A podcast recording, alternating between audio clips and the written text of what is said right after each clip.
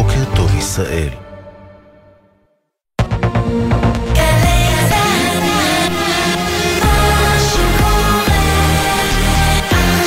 גלי צה"ל, שש בבוקר. בוקר טוב ישראל עם אפי טריגר. שלום לכם. שני חללי צה"ל ששמותיהם הותרו אמש לפרסום יובאו היום למנוחת עולמים. רב סרן דוד נתי אלפסי, בן 27 מבאר שבע, סגן מפקד גדוד 202 בחטיבת הצנחנים, התאמן בבית העלמין במגדל העמק ב-11 לפני הצהריים. הלווייתו של רב סרן אילי לוי, בן 24 מתל אביב, מפקד פלוגה בגדוד, תתקיים באחת בצהריים בבית העלמין הצבאי בקריית שאול. השניים נפלו מפגיעת טיל נ"ט במבנה בדרום רצועת עזה. אמש הובא למנוחות בבית העלמין ביבנה יבנה, רב סרן אייל מבורך טוויטו, זיכרונו לברכה, בן 22 מבית גמליאל, מפקד מחלקה בגדוד, שנפל גם הוא בתקרית. דודתו לילך נפרדה ממנו בשיחה עם בוקר טוב ישראל. שמחת חיים, בכיפיות שלו, בצחוקיות שלו, ומצד שני הוא גם כזה רציני, אף אחד לא מוכן לפספס את אייל, לא לחוות אותו, לא ליהנות ממנו, לא לקבל ממנו קצת, כי הוא פשוט אה, ילד, אה, באמת, ילד מדהים, מדהים, מדהים. המגעים לעסקה לשחרור חטופים. על פי ההצעה שגיבשה הממשלה, ישראל תהיה מוכנה להפסקה משמעותית בלחימה בת כמה שבועות, כולל היערכות מחדש של הכוחות בשטח הרצועה, אך ללא התחייבות לסיום הלחימה. בתמורה ישחרר חמאס מספר גדול של חטופים, כשבתחילה תשוחררנה הנשים, ובהמשך הגברים המבוגרים, הגברים והחיילים. כך מדווח הבוקר כתבנו המדיני יניר קוזין. כל זאת במסגרת חידוש המשא ומתן בין הצדדים בהובלת ארצות הברית, קטאר ומצרים. בינתיים לא התקבלה תשובה מהצד השני להצעת ישראל, שעוד עשויה להשתנות. בקבינט המלחמה הוחלט אמש כי הדיון על ההצעה יידחה עד שתתבהר תגובת הצד השני. הלילה, לנו בני משפחות חטופים באוהלים מול מעון ראש הממשלה בירושלים, זה הלילה השני ברציפות, בדרישה לקדם עסקה לשחרור יקיריהם. עשרות מפגינים נוספים הגיעו אמש למחות לצד המשפחות. אביבה סיגל, ששוחררה משבי חמאס, השתתפה במחאה וקראה להשבת בעלה כיס, שעדיין מוחזק בשבי. בתם שיר אמרה לבוקר טוב ישראל, נשען כאן עד שכולם יחזרו. אנחנו לא נלך מכאן עד שלא תהיה עסקה ואבא שלי וכל שאר החטופים יחזרו הביתה. אנחנו כולנו ישנים כאן, כולל אימא שלי, שהייתה בשבי 51 ימים, באה לישון על מזרון באוהל, כי גם לה נמאס. מצרים מזהירה את ישראל מהשתלטות על ציר פילדלפי בגבול בין הרצועה לסיני. בהודעה שפרסם אמש משרד ההסברה של מצרים נאמר כי מהלך ישראלי שכזה יגרום לאיום מסוכן ורציני על היחסים בין המדינות. ראש מרכז ההסברה בממשלת מצרים, דיה רשואן, הדגיש כי מצרים שומרת על הגבול עם עזה ואף חשפה לאורך השנים 1,500 מנהרות. لا يوجد احد في العالم لا يعرف مدى الجهود التي قامت بها مصر وجيش مصر لكي تحافظ على الحدود الشماليه الشرقيه لمصر هناك كانت قويه لدينا هناك لدينا اسوار فوق الارض وتحت الارض. אין אף אחד, אין אחד בעולם שלא מכיר את המאמץ שמצרים והצבא שלה השקיעו כדי לשמור על גבולה הצפון-מזרחי, אומר רשואן, יש כוחות רבים, חומות מעל הקרקע ותחתיה, וכל מדינות העולם מכירות את הפרטים. המסביר המצרי הוסיף למצרים שמורה הריבונות המלאה על אדמתה, מוזר שישראל משמיעה טענות בלתי מהימנות על הברחה ממצרים לעזה. ארצות הברית, בריטניה ובעלות ברית נוספות תקפו הלילה כמה יעדים של החות'ים בתימן, בערים צנעה, תעז וביידה.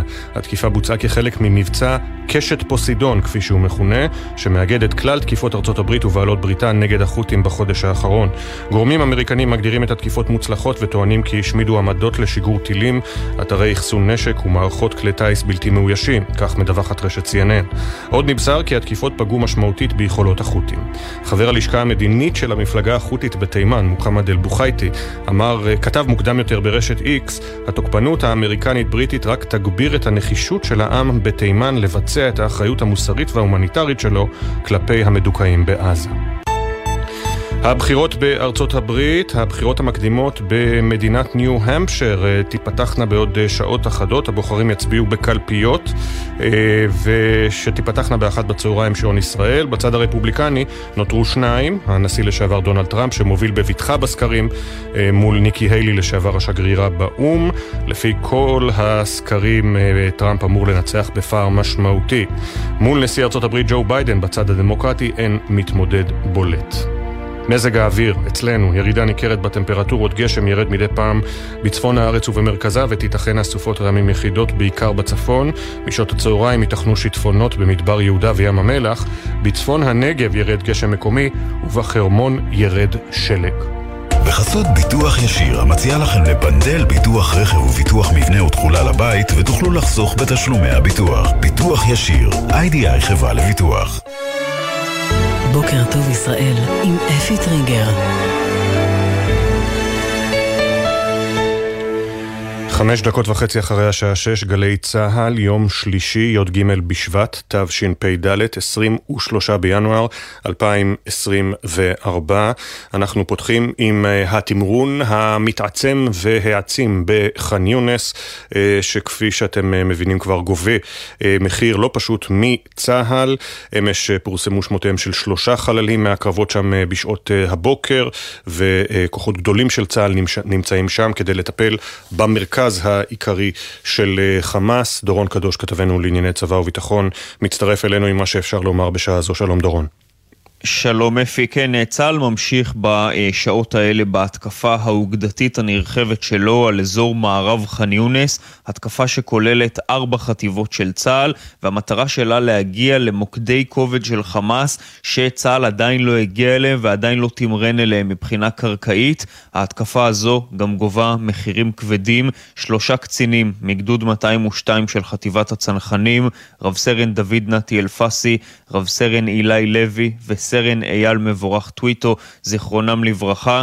שלושתם נהרגו אתמול כתוצאה מפגיעה של טיל נ"ט במבנה שבו הם היו במהלך אותה התקפה אוגדתית על מערב ח'אן יונס. נגיד אפי שבמערב ח'אן יונס נמצא מחנה פליטים גדול מאוד שצה"ל כמעט ולא נכנס אליו במהלך החודשיים האחרונים בזמן שהכוחות מתמרנים באזור הזה. זה אזור שגם רגיש לפעול בו מבחינה צבאית, יש בו הרבה מאוד מחסות פליטים, הרבה מאוד מחנות אוהלים וגם בתי חולים, כולל בית החולים נאסר, שהוא בית החולים הגדול ביותר שעדיין קיים ומתפקד בשטח רצועת עזה. מתוך שטח בית החולים הזה חמאס יורה לעבר כוחות צה"ל ולכן נדרש לטפל גם בו וגם ביתר המוקדים עם כל הרגישות שבדבר. גם הלילה, במהלך השעות האחרונות, דווח על מספר תקיפות של צה"ל באזור הזה של מערב ח'אן יונס, כולל בסביבות בית החולים נאסר. אלה דיווחים אה, מהשעות האחרונות. נגיד אפי שבזמן שבח'אן יונס מתנהלת התקפה אוגדתית בסדר גודל נרחב, צה"ל עדיין מנהל במקביל שתי משימות. בצפון הרצועה אנחנו עדיין מדברים על פשיטות חטיבתיות, זאת אומרת על לחימה בהיקף הרבה יותר קטן, הרבה פחות עצים, ויש גם כמובן את משימת הפרימטר, ששם כוחות אה, צה"ל פועלים במרחב החיץ, באזור הגדר, כדי להכין את כל המרחב שסמוך לשטח ישראל, שסמוך לגבול. מחו"ל, אז אנחנו מדברים אפי על לחימה שמתנהלת ברמות עצימות שונות, במוקדים שונים, אבל בח'אן יונס כאמור, במערב ח'אן יונס, היא מתנהלת כרגע בעצימות גבוהה למדי. תודה, דורון, עוד נחזור אליך כמובן אה, בהמשך המשדר.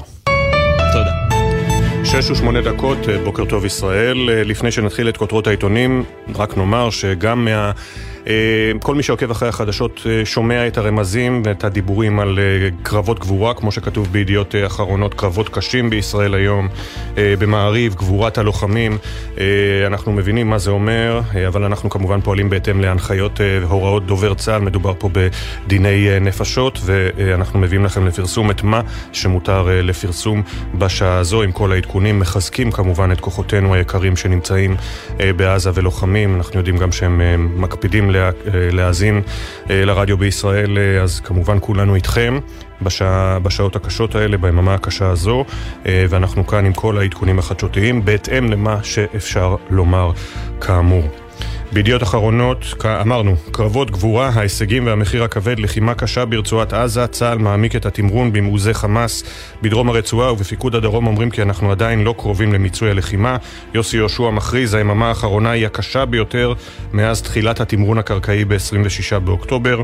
בן דרור ימיני כותב, לא ישברו אותנו, 109 אה, ימים של מלחמה, 109 ימים שבהם משפחות רבות ועוד משפחות שומעות את הדפיקה המחרידה בדלת, אבל לא הכל אבוד, אלה ימים שבהם... שבהם ישראל ערבים זה לזה, ימים של אבל משותף וגם של התגייסות והתנדבות, לא ישברו אותנו, כותב בן דרור ימיני, חותמים על כל מילה, גם אנחנו כאן במערכת בוקר טוב ישראל. בכל העיתונים תמונות שלושת הגיבורים, הקצינים, שנפלו אתמול בבוקר בח'אן יונס, אייל מבורך טוויטו, זיכרונו לברכה, ובא אמש למנוחת עולמים, אילי לוי ודוד נתי אלפסי יובאו בהמשך uh, היום. Uh, ואנחנו עוברים לישראל היום, כאן הכותרת היא קרבות קשים. תמונות שלושת הקצינים עם הכותרת נפלו על הגנת המולדת. אה, צבי האוזר כותב להחזיר את ההרתעה האסטרטגית ואת הפחד ממכה ישראלית מוחצת. דוד ברון כותב האנטישמיות וזילות השואה מצד מוסקבה לא הולכות להיעלם בקרוב. שחר מור, זהירו, כותב לא אנוח עד שדודי וכל החטופים יחזרו. מדוע המדינה אינה מאחוריי. נלך לעמוד 11 למאמר שלו כדי שנאמר ששחר הוא אחיינו של אברהם מונדר, בן ה-78, שמוחזק בשבי חמאס מאז השבת השחורה, אחרי שנחטף עם אשתו רותי, בתה קרן והנכד אוהד, הם שוחררו מאז, אברהם מונדר עדיין ב... סליחה, בעזה. בשבי. בהארץ, הכותרת הראשית, חיילים נהרגו בקרבות קשים בח'אן יונס, כ-50 פלסטינים נהרגו ואלפים נמלטו דרומה לרפיח. עמוס הראל כותב, לחץ גובר. המהלך שבו החל צה"ל בח'אן יונס שלשום בלילה הוא הפעולה ההתקפית המשמעותית ביותר של ישראל ברצועת עזה, זה קרוב לחודש. הוא מגביר בצורה ניכרת את האינטנסיביות של הלחימה ועולה גם בנפגעים במספרים שלא הורגלנו עליהם בתקופה האחרונה. מתחת לקיפול, צבי בראל כותב על הקשר הטורקי, היחסים הטובים בין טורקיה לחמאס עדיין לא התערערו. מנהיגי הארגון התבקשו לעזוב בתחילת המלחמה את המדינה, אבל פעילים רבים נותרו בה. טורקיה היא נוכחת נהדרת בכל הקשור למהלכים המדיניים בסוגיית עזה, אבל לא כן בכל הנוגע לשאלת עתידו של חמאס. זה אחד הנושאים העיקריים שעלו לדיון בפגישתם של ארדואן ועמיתו האיראני ראיסי מחר, יום רביעי. הפרשנות המלאה של צבי בראל בעמוד 5 בהארץ, של עמוס הראל בעמוד 3. יש גם את התמונה מההתפרצות של בני משפחות חטופים אתמול לדיון בישיבת ועדת הכספים של הכנסת. כצפוי, הציטוט שמופיע בכל העיתונים, ראיתם אותו גם אתמול במהדורות החדשות. אין תשובה טובה לציטוט הזה. על חמץ פירקתם ממשלה ועל שבויים אתם לא מפרקים? יוהנה גונן כותבת, רגע לפני ההתפרצות, איפה אני חיה שאני צריכה להתחנן בכנסת שתעשו משהו למען האהובים שלי? זעקה דליה קושניר, גיסתם של יאיר ואיתן הורן, החטופים בעזה, לעבר חברי הכנסת בוועדת החוקה אתמול. במעריב, גבורת הלוחמים, זו הכותרת הראשית. טל אברהם כותב על פשיטה מאתגרת. היממה האחרונה של הלחימה ברצועת עזה היא תזכורת לכך שבשטח עדיין מתנהלת לחימה קשה. זה נכון למעוזי חמאס, כמו מחנה הפליטים ח'אן יונס, שעליו פשטו אתמול צוותי הקרב של אוגדה 98, אבל זה נכון גם לאזורים אחרים בצפון הרצועה, שם חטיבות צה"ל ממשיכות לפעול במאפיינים של מבצעים ממוקדים ופשיטות. בלחימת גרילה, ירי נ"ט, מטעני חבלה, זירות מטענים בשטח או בתים ממולכדים, הם האיומים המרכזיים נגד הכוחות, כאשר חוליות המחבלים פועלות באופן עצמאי בשטח ולא במסגרות לחימה מסודרות. תפקידן הוא לגבות מחיר מכוחות uh, צה"ל, כך כותב טל אברהם. ראש השב"כ לשעבר יעקב פרי כותב uh, וקורא למנהיגות אחרת בעקבות הופעתו המרשימה, צניעותו ודבריו הנוקבים והאמינים של גדי איזנקוט בשבוע שעבר בתוכניתה של אילנה דיין עובדה. זה בעמוד 5 במעריב. אה, לא ניכנס למלחמת בחירות, מצטטים את יושב ראש ישראל ביתנו שאינו תומך בהליכה לקלפיות, אתמול בכנסת הוא אומר, אבל גם מוסיף, בן אדם סביר היה מתפטר לבד אחרי שבעה באוקטובר. בג'רוזלם פוסט, IDF makes major push in western ח'אן יונס, IDF בקרב, בקרב רציני ביותר, משמעותי ביותר במערב ח'אן יונס, IDF כמובן צה"ל, סליחה. מתחת לקיפול מציינים כאן בין היתר שלפיד calls to set an election date, יושב ראש האופוזיציה יאיר לפיד קרא לנתניהו בוא נשב ביחד ונקבע תאריך מוסכם לבחירות חדשות. גם בעיתונים החרדיים מצטרפים אל, ה, איך נקרא לזה, הרמיזות וה, והכאב. הכותרת הראשית של יתד נאמן, אבדות כבדות וכואבות, וכואבות לכוחות הלוחמים, השם ייקום דמם. בשחרית, העיתון האינטרנטי קרב, ח'אן יונס, הוא והמבשר, הנה אני מגיע אל המבשר, איפה זה? יום דמים קשה בעזה, קרבות עזים בח'אן יונס. גלנט אומר, ישראל תתקוף את חיזבאללה. כך בעיתונות החרדית. אני שוב אומר, אנחנו מדווחים לכם בדיוק את מה שמותר לנו לדווח, כי מדובר בדיני נפשות, ברגשות של משפחות, וכמובן גם בהיותנו גלי צה"ל, צבא ההגנה לישראל, הבית של החיילים. ואנחנו בהמשך נחזור עם סיפורים נוספים שקשורים ללחימה ועוד חדשות מעניינות.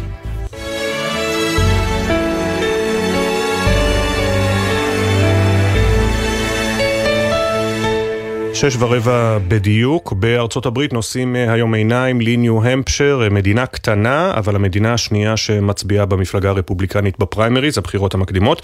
גם בבחיר, במפלגה הדמוקרטית יהיו היום אה, בחירות, אבל שם אין מתח.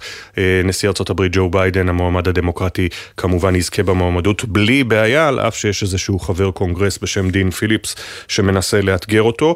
אצל הרפובליקנים הסקרים מעידים על פער ענק לטובת דונלד טראמפ, עם ניקי היילי, היחידה שנותרה מולו בזירה.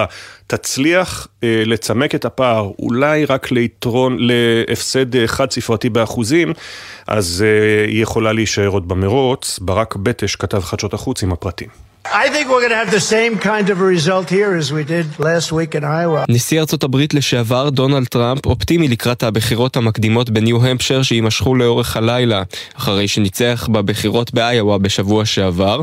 לכבוש את הקלפיות במדינה המזרחית לא אמורה להיות משימה קשה עבורו.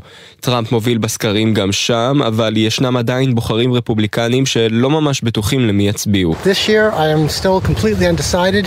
This election's coming up on Tuesday and I, I still don't know who I'm going to vote for. אני עדיין מתלבט, שיתף טים סינק מניו המפשר והוסיף, הבחירות מתקרבות ואני עדיין לא יודע למי אני הולך להצביע. במקום השני אחרי הנשיא לשעבר נמצאת שגרירת ארצות הברית באו"ם לשעבר, ניקי היילי. היא רק חיכתה להזדמנות לקרב ראש בראש מול טראמפ. When we win the presidency in this country, I will do everything I can to prove to you that you made the right decision. But for now, I'll leave you with this. כשנזכה בנשיאות, אעשה כל שביכולתי כדי להוכיח לכם שקיבלתם את ההחלטה הנכונה, אמרה היילי לתומכיה בעצרת בניו-המפשר, ולא שכחה להעביר מסר לטראמפ. בינתיים אני אשאיר אתכם עם זה, שהאישה הטובה ביותר תנצח. היילי נמצאת במקום השני רק יום וחצי, מי שקדם לה בתפקיד המתחרה הישיר של טראמפ היה מושל פלורידה רון דיסנטיס, שפרש מהמרוץ והודיע שיתמוך בטראמפ. כית' אמון, שתכנן להצביע לדיסנטיס, החליט שכמו המועמד המועדף עליו, יעביר את הקול שלו לדונלד טראמפ.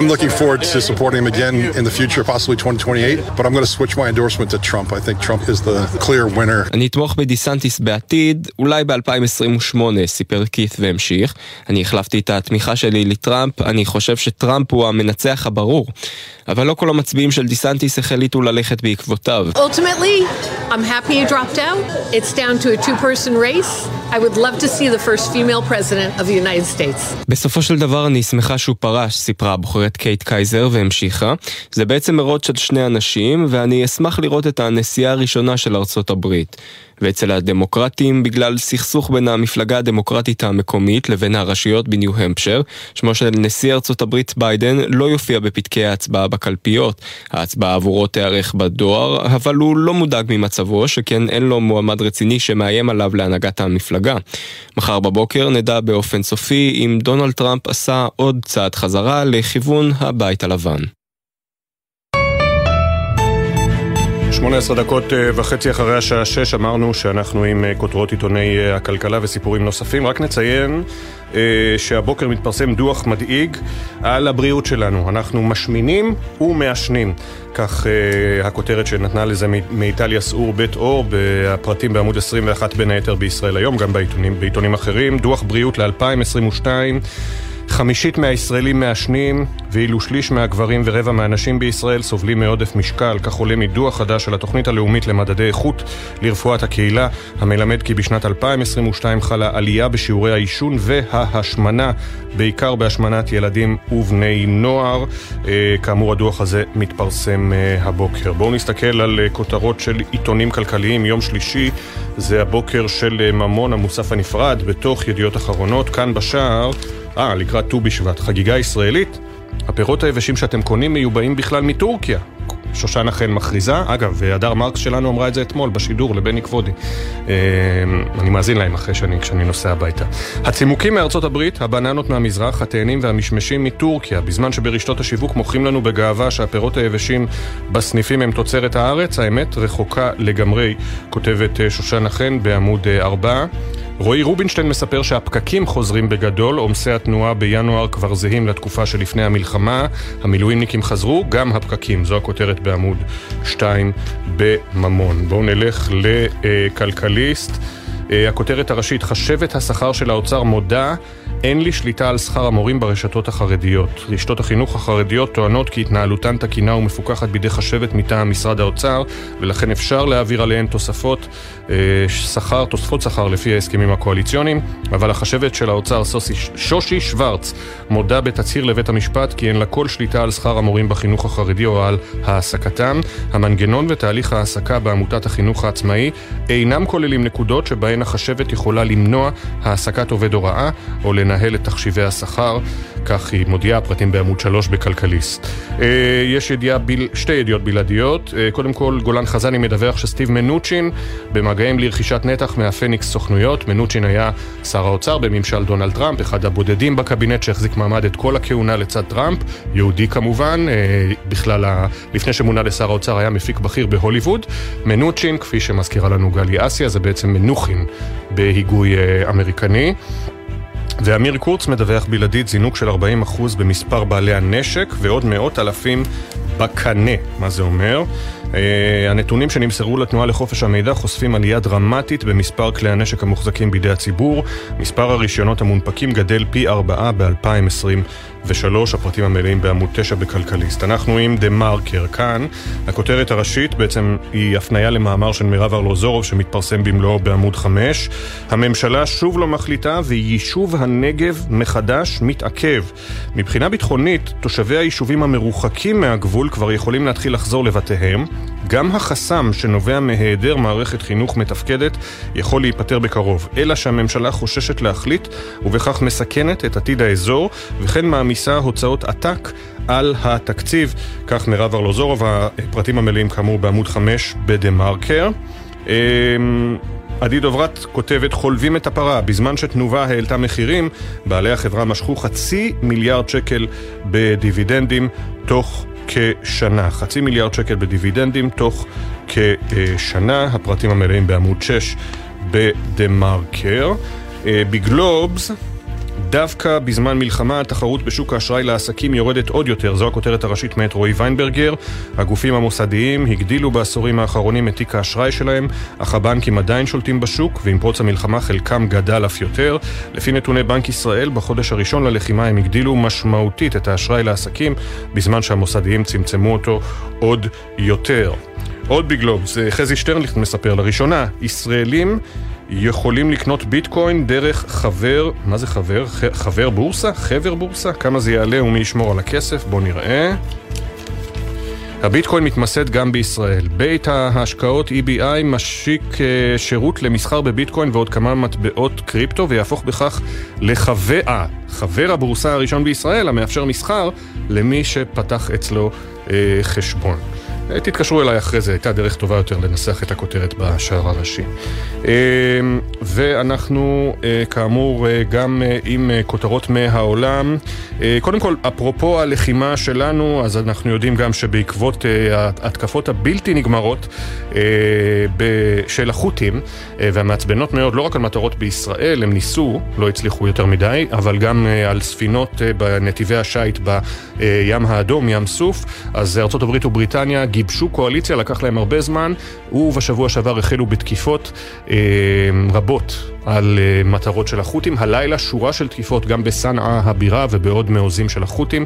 אה, מטוסים ומסוקי קרב וטילי שיוט של אה, ארצות הברית ובריטניה וגם של בעלות ברית נוספות, וגם נחשף השם של המבצע פוס, פוסיידון ארצ'ר. אנחנו נתרגם את זה קשת פוסידון כי זה נשמע יותר טוב, אבל תכלס ארצ'ר זה קשת, כלומר הקשת של פוסידון, אבל קשת פוסידון זה מספיק טוב גם uh, עבורנו. Uh, ב...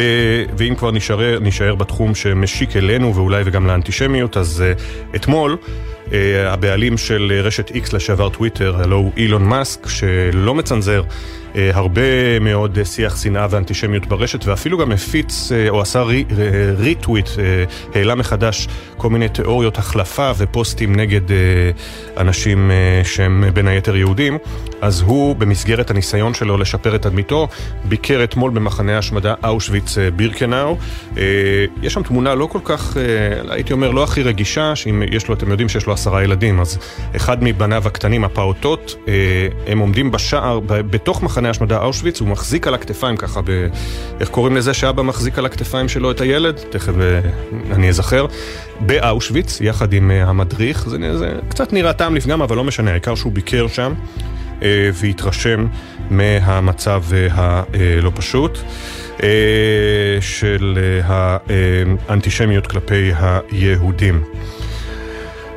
והיום ניו-המפשייר, הפריימריז, הבחירות המקדימות אה, לרשות, למועמדות.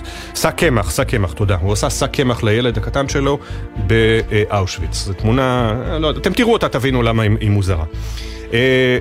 אה, בניו-המפשייר היום הפריימריז, אתם יודעים, הפריימריז בארצות הברית נערכות בכל, ברוב המדינות.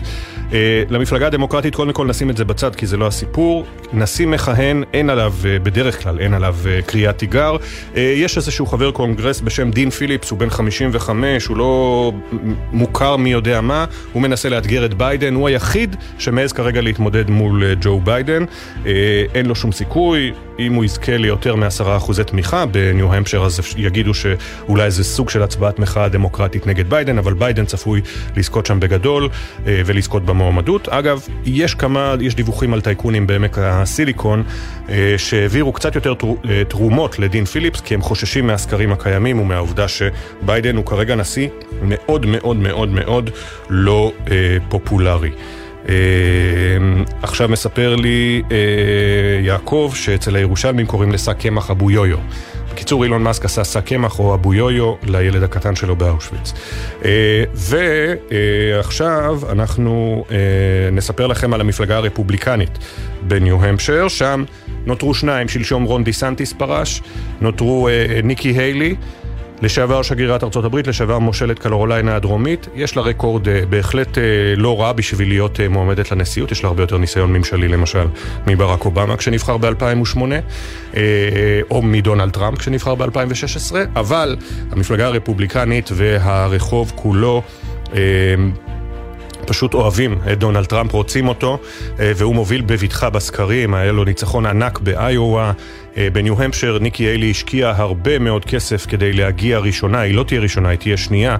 אה, אבל השאלה הגדולה היא מהו הפער. פרשנים אומרים שאם היא תצליח להוריד את הפער נגיד לאחוז חד ספרתי, לפחות מעשרה אחוזים, הפער בינה לבין דונלד טראמפ, אז אולי אולי אה, היא תצליח לשכנע את התורמים להמשיך לתרום לה, למרות שכרגע צריך לקרות משהו בהחלט יוצא דופן ולא הגיוני, כדי שניקי היילי תזכה במועמדות של המפלגה הרפובליקנית לנשיאות. כרגע זה נראה שאנחנו הולכים לכיוון טראמפ נגד ביידן.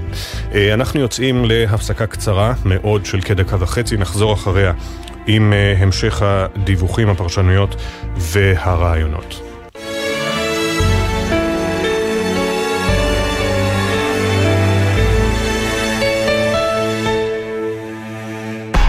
אתם מאזינים לגלי צה"ל. אקדימה, לימודי המשך, בר אילן. באתר אקדימה ריכזנו למענכם יותר מ-200 קורסים, לימודי תעודה והכשרה. אתר חדש, מתקדם ונוח לחיפוש. חפשו בגוגל אקדימה. אחינו כל בית ישראל, הנתונים בצרה ובשביה, העומדים בין בים ובין ביבשה, המקום ירחם עליהם, ויוציאם מצרה לרווחה, ומאפלה לאורה, ומשעבוד לגאולה, השתה בעגלה ובזמן קריב, ונאמר אמן. כולנו מייחלות עם צופית גרנט להשבת החטופות והחטופים במהרה ובשלום. משעבוד לגאולה מאפלה לאורה אולי עכשיו קצת קשה להגיד שיהיה בסדר, ובכל זאת, תנו לנו לנסות. בזכותכם, בזכותכם. לא נראה לי שזה היה קורה בלעדיכם. אתם הגימורים שלי. אתם עוזרים לי לקוות בתקופה לא קלה לכולנו שבזכות אנשים כמוכם עוד יהיה פה בסדר. זכויותיכם נפגעו, זקוקים לעזרה, אין לכם מענה מהמדינה? כתבו לנו בעמוד הפייסבוק יהיה בסדר בגל"צ, או בדואר האלקטרוני אוקיי כרוכית glz.co.il, ויש מצב שיהיה בסדר. ראשון עד רביעי, שלוש בצהריים, גלי צה"ל. עכשיו בגלי צה"ל, אפי טריגר, עם בוקר טוב ישראל. אה, שש וחצי פחות חצי דקה הכותרות. שני חללי צה"ל ששמותיהם הותרו אמש לפרסום יובאו היום למנוחת עולמים. רב סרן דוד נתי אלפסי, בן 27, מבאר שבע, סגן מפקד גדוד 202 בחטיבת הצנחנים, התאמן בבית העלמין במגדל העמק ב-11 לפני הצהריים. הלווייתו של רב סרן אילי לוי, בן 24 מתל אביב, מפקד פלוגה בגדוד, תתקיים באחת בצהריים בבית העלמין הצבאי קריית שאול. השניים נפלו מפגיעת טיל נ"ט במבנה בדרום רצועת עזה. אמש הובא למנוחת עולמים בבית העלמין ביבנה רב סרן אייל מבורך טוויטו, זיכרונו לברכה, בן 22 מבית גמליאל, מפקד מחלקה בגדוד שנפל גם כן בתקרית. דודתו לילך נפרדה ממנו בשיחה עם בוקר טוב ישראל. שמחת חיים, בכיפיות שלו, בצחוקיות שלו, ומצד שני הוא גם כזה רציני, אחד לא מוכן לפספס את אייל, לא לחוות אותו, לא ליהנות ממנו, לא לקבל ממנו קצת, כי הוא פשוט אה, ילד, אה, באמת, ילד מדהים, מדהים, מדהים. המגעים לעסקה לשחרור חטופים. על פי ההצעה שגיבשה הממשלה, ישראל תהיה מוכנה להפסקה משמעותית בלחימה בת כמה וכמה שבועות, כולל היערכות מחדש של הכוחות בשטח הרצועה, אך ללא התחייבות לסיום הלחימה. בתמורה, ישחרר חמאס מספר גדול של חטופים, כשבתחילה תשוחררנה הנשים, בהמשך מבוגרים גברים, לאחר מכן גברים, ובסוף חיילים. כך מדווח הבוקר כתבנו המדיני יניר קוזין. כל זאת במסגרת חידוש המשא ומתן בין הצדדים בהובלת ארצות הברית, מצרים וקטאר. בינתיים לא התקבלה תשובה מחמאס להצעת ישראל, שעוד עשויה להשתנות. בקבינט המלחמה הוחלט אמש כי הדיון על ההצעה יידחה עד שתתבהר התמונה מהצד השני. בני משפחות חטופים לנו הלילה באוהלים מול מעון ראש הממשלה בירושלים. אחת מהן היא אביבה סיגל, ששוחררה משבי חמאס, וקראה להשבת בעלה כית', שעדיין מוחזק בשבי. בתם שיר אמרה לבוקר טוב ישראל, לא נזוז מפה עד שכולם יחזרו. אנחנו לא נלך מכאן עד שלא תהיה עסקה, ואבא שלי וכל שאר החטופים יחזרו הביתה. אנחנו כולנו ישנים כאן, כולל אימא שלי, שהייתה בשבי 51 ימים, באה לישון על מזרון באוהל, כי גם לה נמאס. הבחירות בארצות הברית, הבחירות המקדימות במדינת ניו-המפשייר תיפתחנה באחת בצהריים שעון אה, ישראל. בצד הרפובליקני נותרו שניים, המוביל בבטחה בסקרים הנשיא לשעבר דונלד טראמפ וניקי היילי לשעבר שגרירת ארצות הברית אה, באו"ם.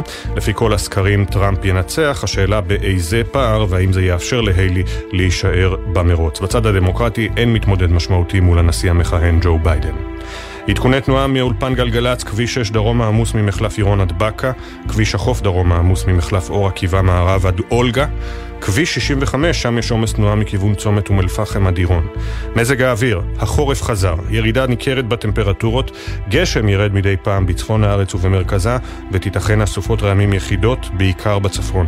משעות הצהריים, קיים סיכוי לשיטפונות במדבר יהודה וים המלח. בצפון הנגב ירד גשם מקומי ובחרמון ירד שלג.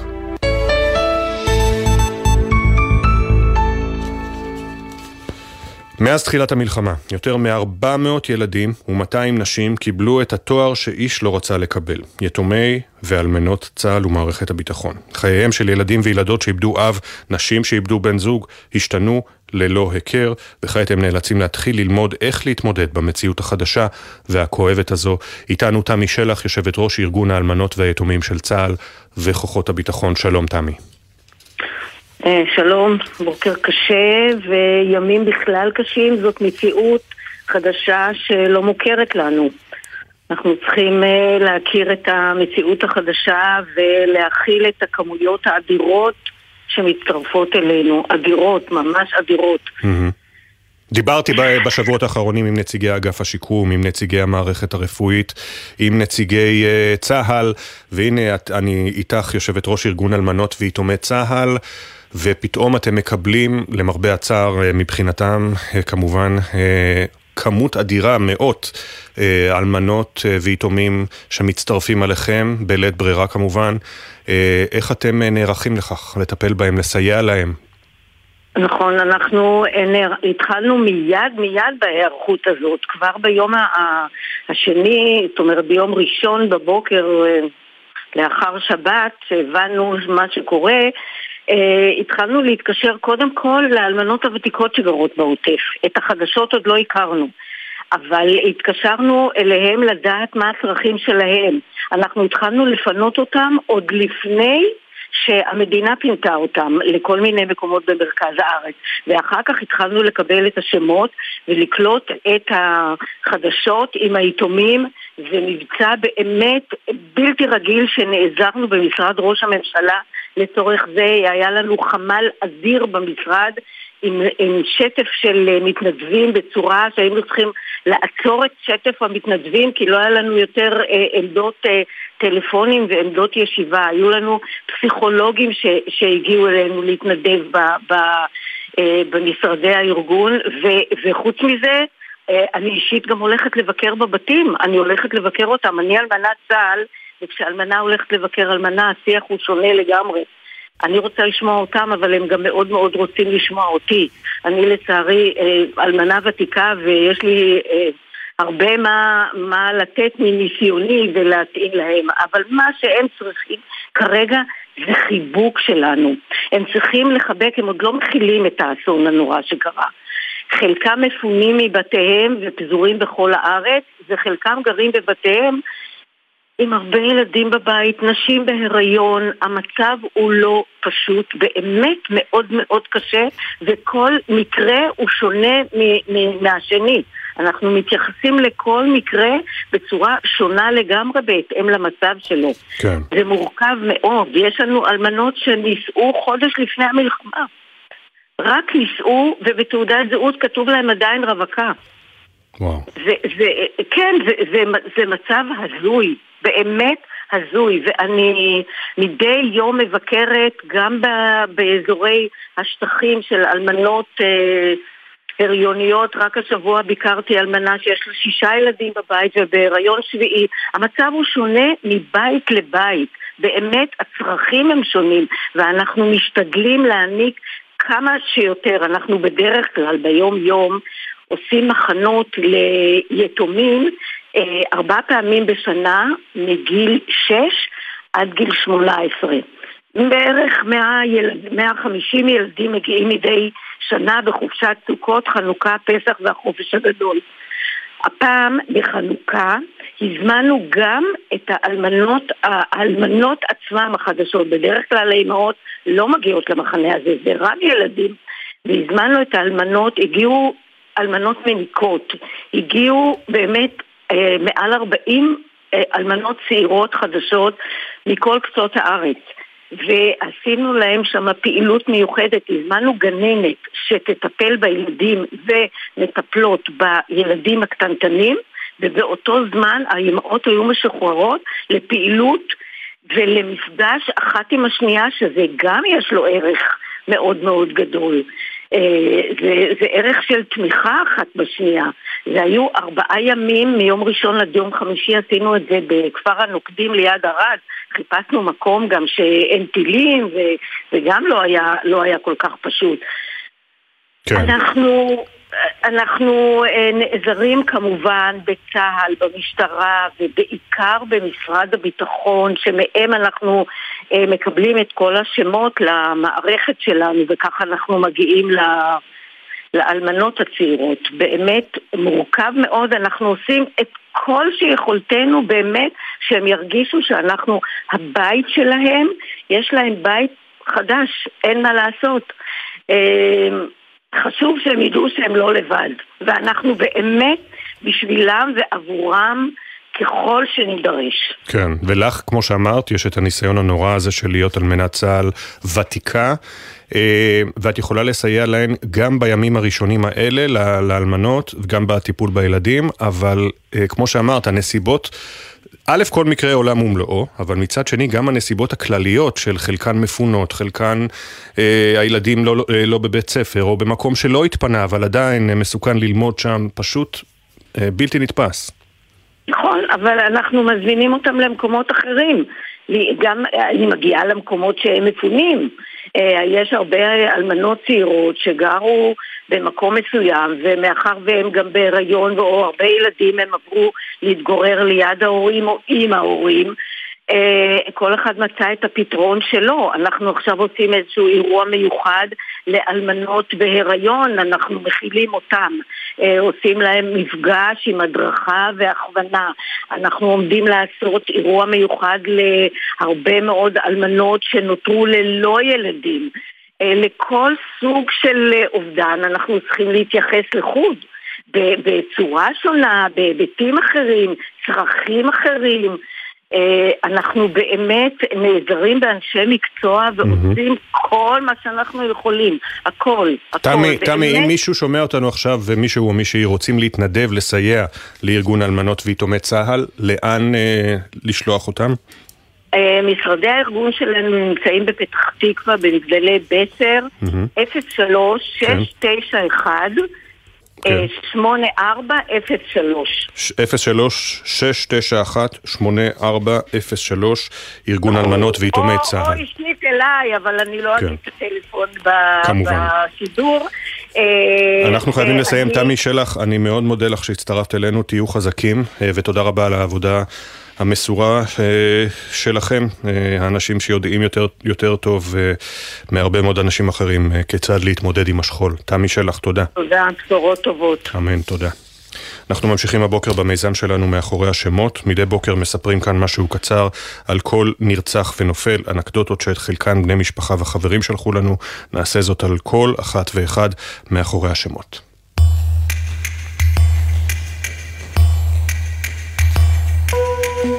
רב סמל מתקדם במילואים יאיר כץ, בן 34 מחולון, היה לוחם בגדוד 87 בחטיבת המחץ, נפל בקרבות בצפון רצועת עזה.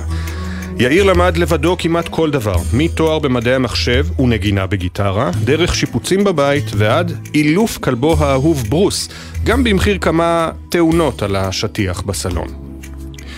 בני הזוג יבגני ודינה קפשיטר נרצחו עם שני ילדיהם בדרך חזרה מטיול משפחתי בשבת השחורה. יבגני, הנדסאי חשמל, תמיד שמח לצאת לטיול בחיק הטבע, מצויד בספר טוב לשקוע בו.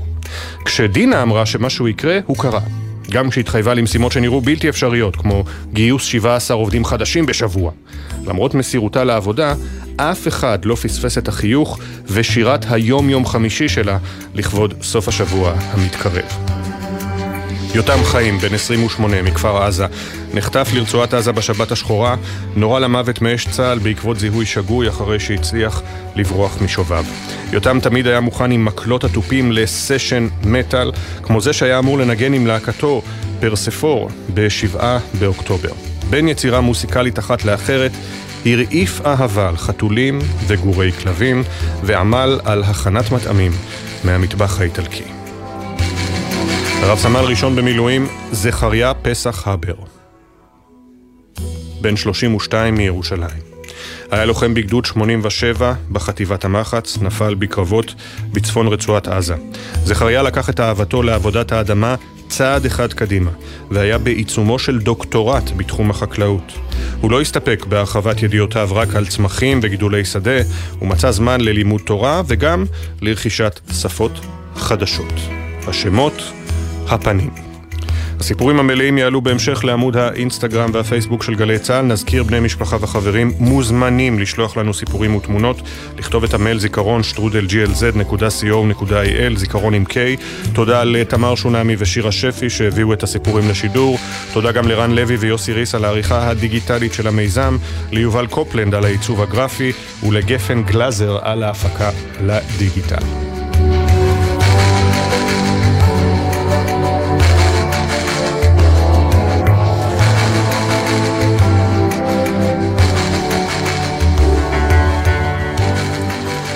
שש ארבעים ושלוש, אה, בוקר טוב ישראל, זה שמה של התוכנית אה, שלנו. אנחנו אה, מדברים על יום לחימה קשה שהיה אתמול בח'אן יונס, כך שמענו גם מהמפקדים והבכירים. אתמול פורסמו שמותיהם של שלושה שנפלו בבוקר בח'אן יונס מפגיעת טיל נ"ט מסוג RPG, ואנחנו מבינים שהלחימה בח'אן יונס היא באמצעות ארבע חטיבות ובכוח רב מאוד מול אחד המעוזים הקשים ביותר של חמאס. מצטרף אלינו האלוף במילואים עמוס גלעד, לשעבר ראש האגף המדיני-ביטחוני במשרד הביטחון, ראש המכון למדיניות ואסטרטגיה באוניברסיטת רייכמן. שלום לך. שלום. אנחנו כמובן מדברים בהתאם לדברים שמותר לנו לומר בשעה הזו.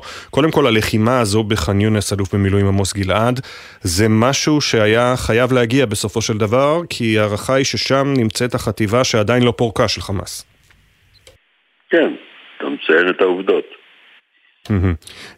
וכשאתה מסתכל על הדיווחים שמגיעים משם, וגם על ההכנות לקראת הפעולה הגדולה הזו, מה חשוב לך לומר לנו הבוקר?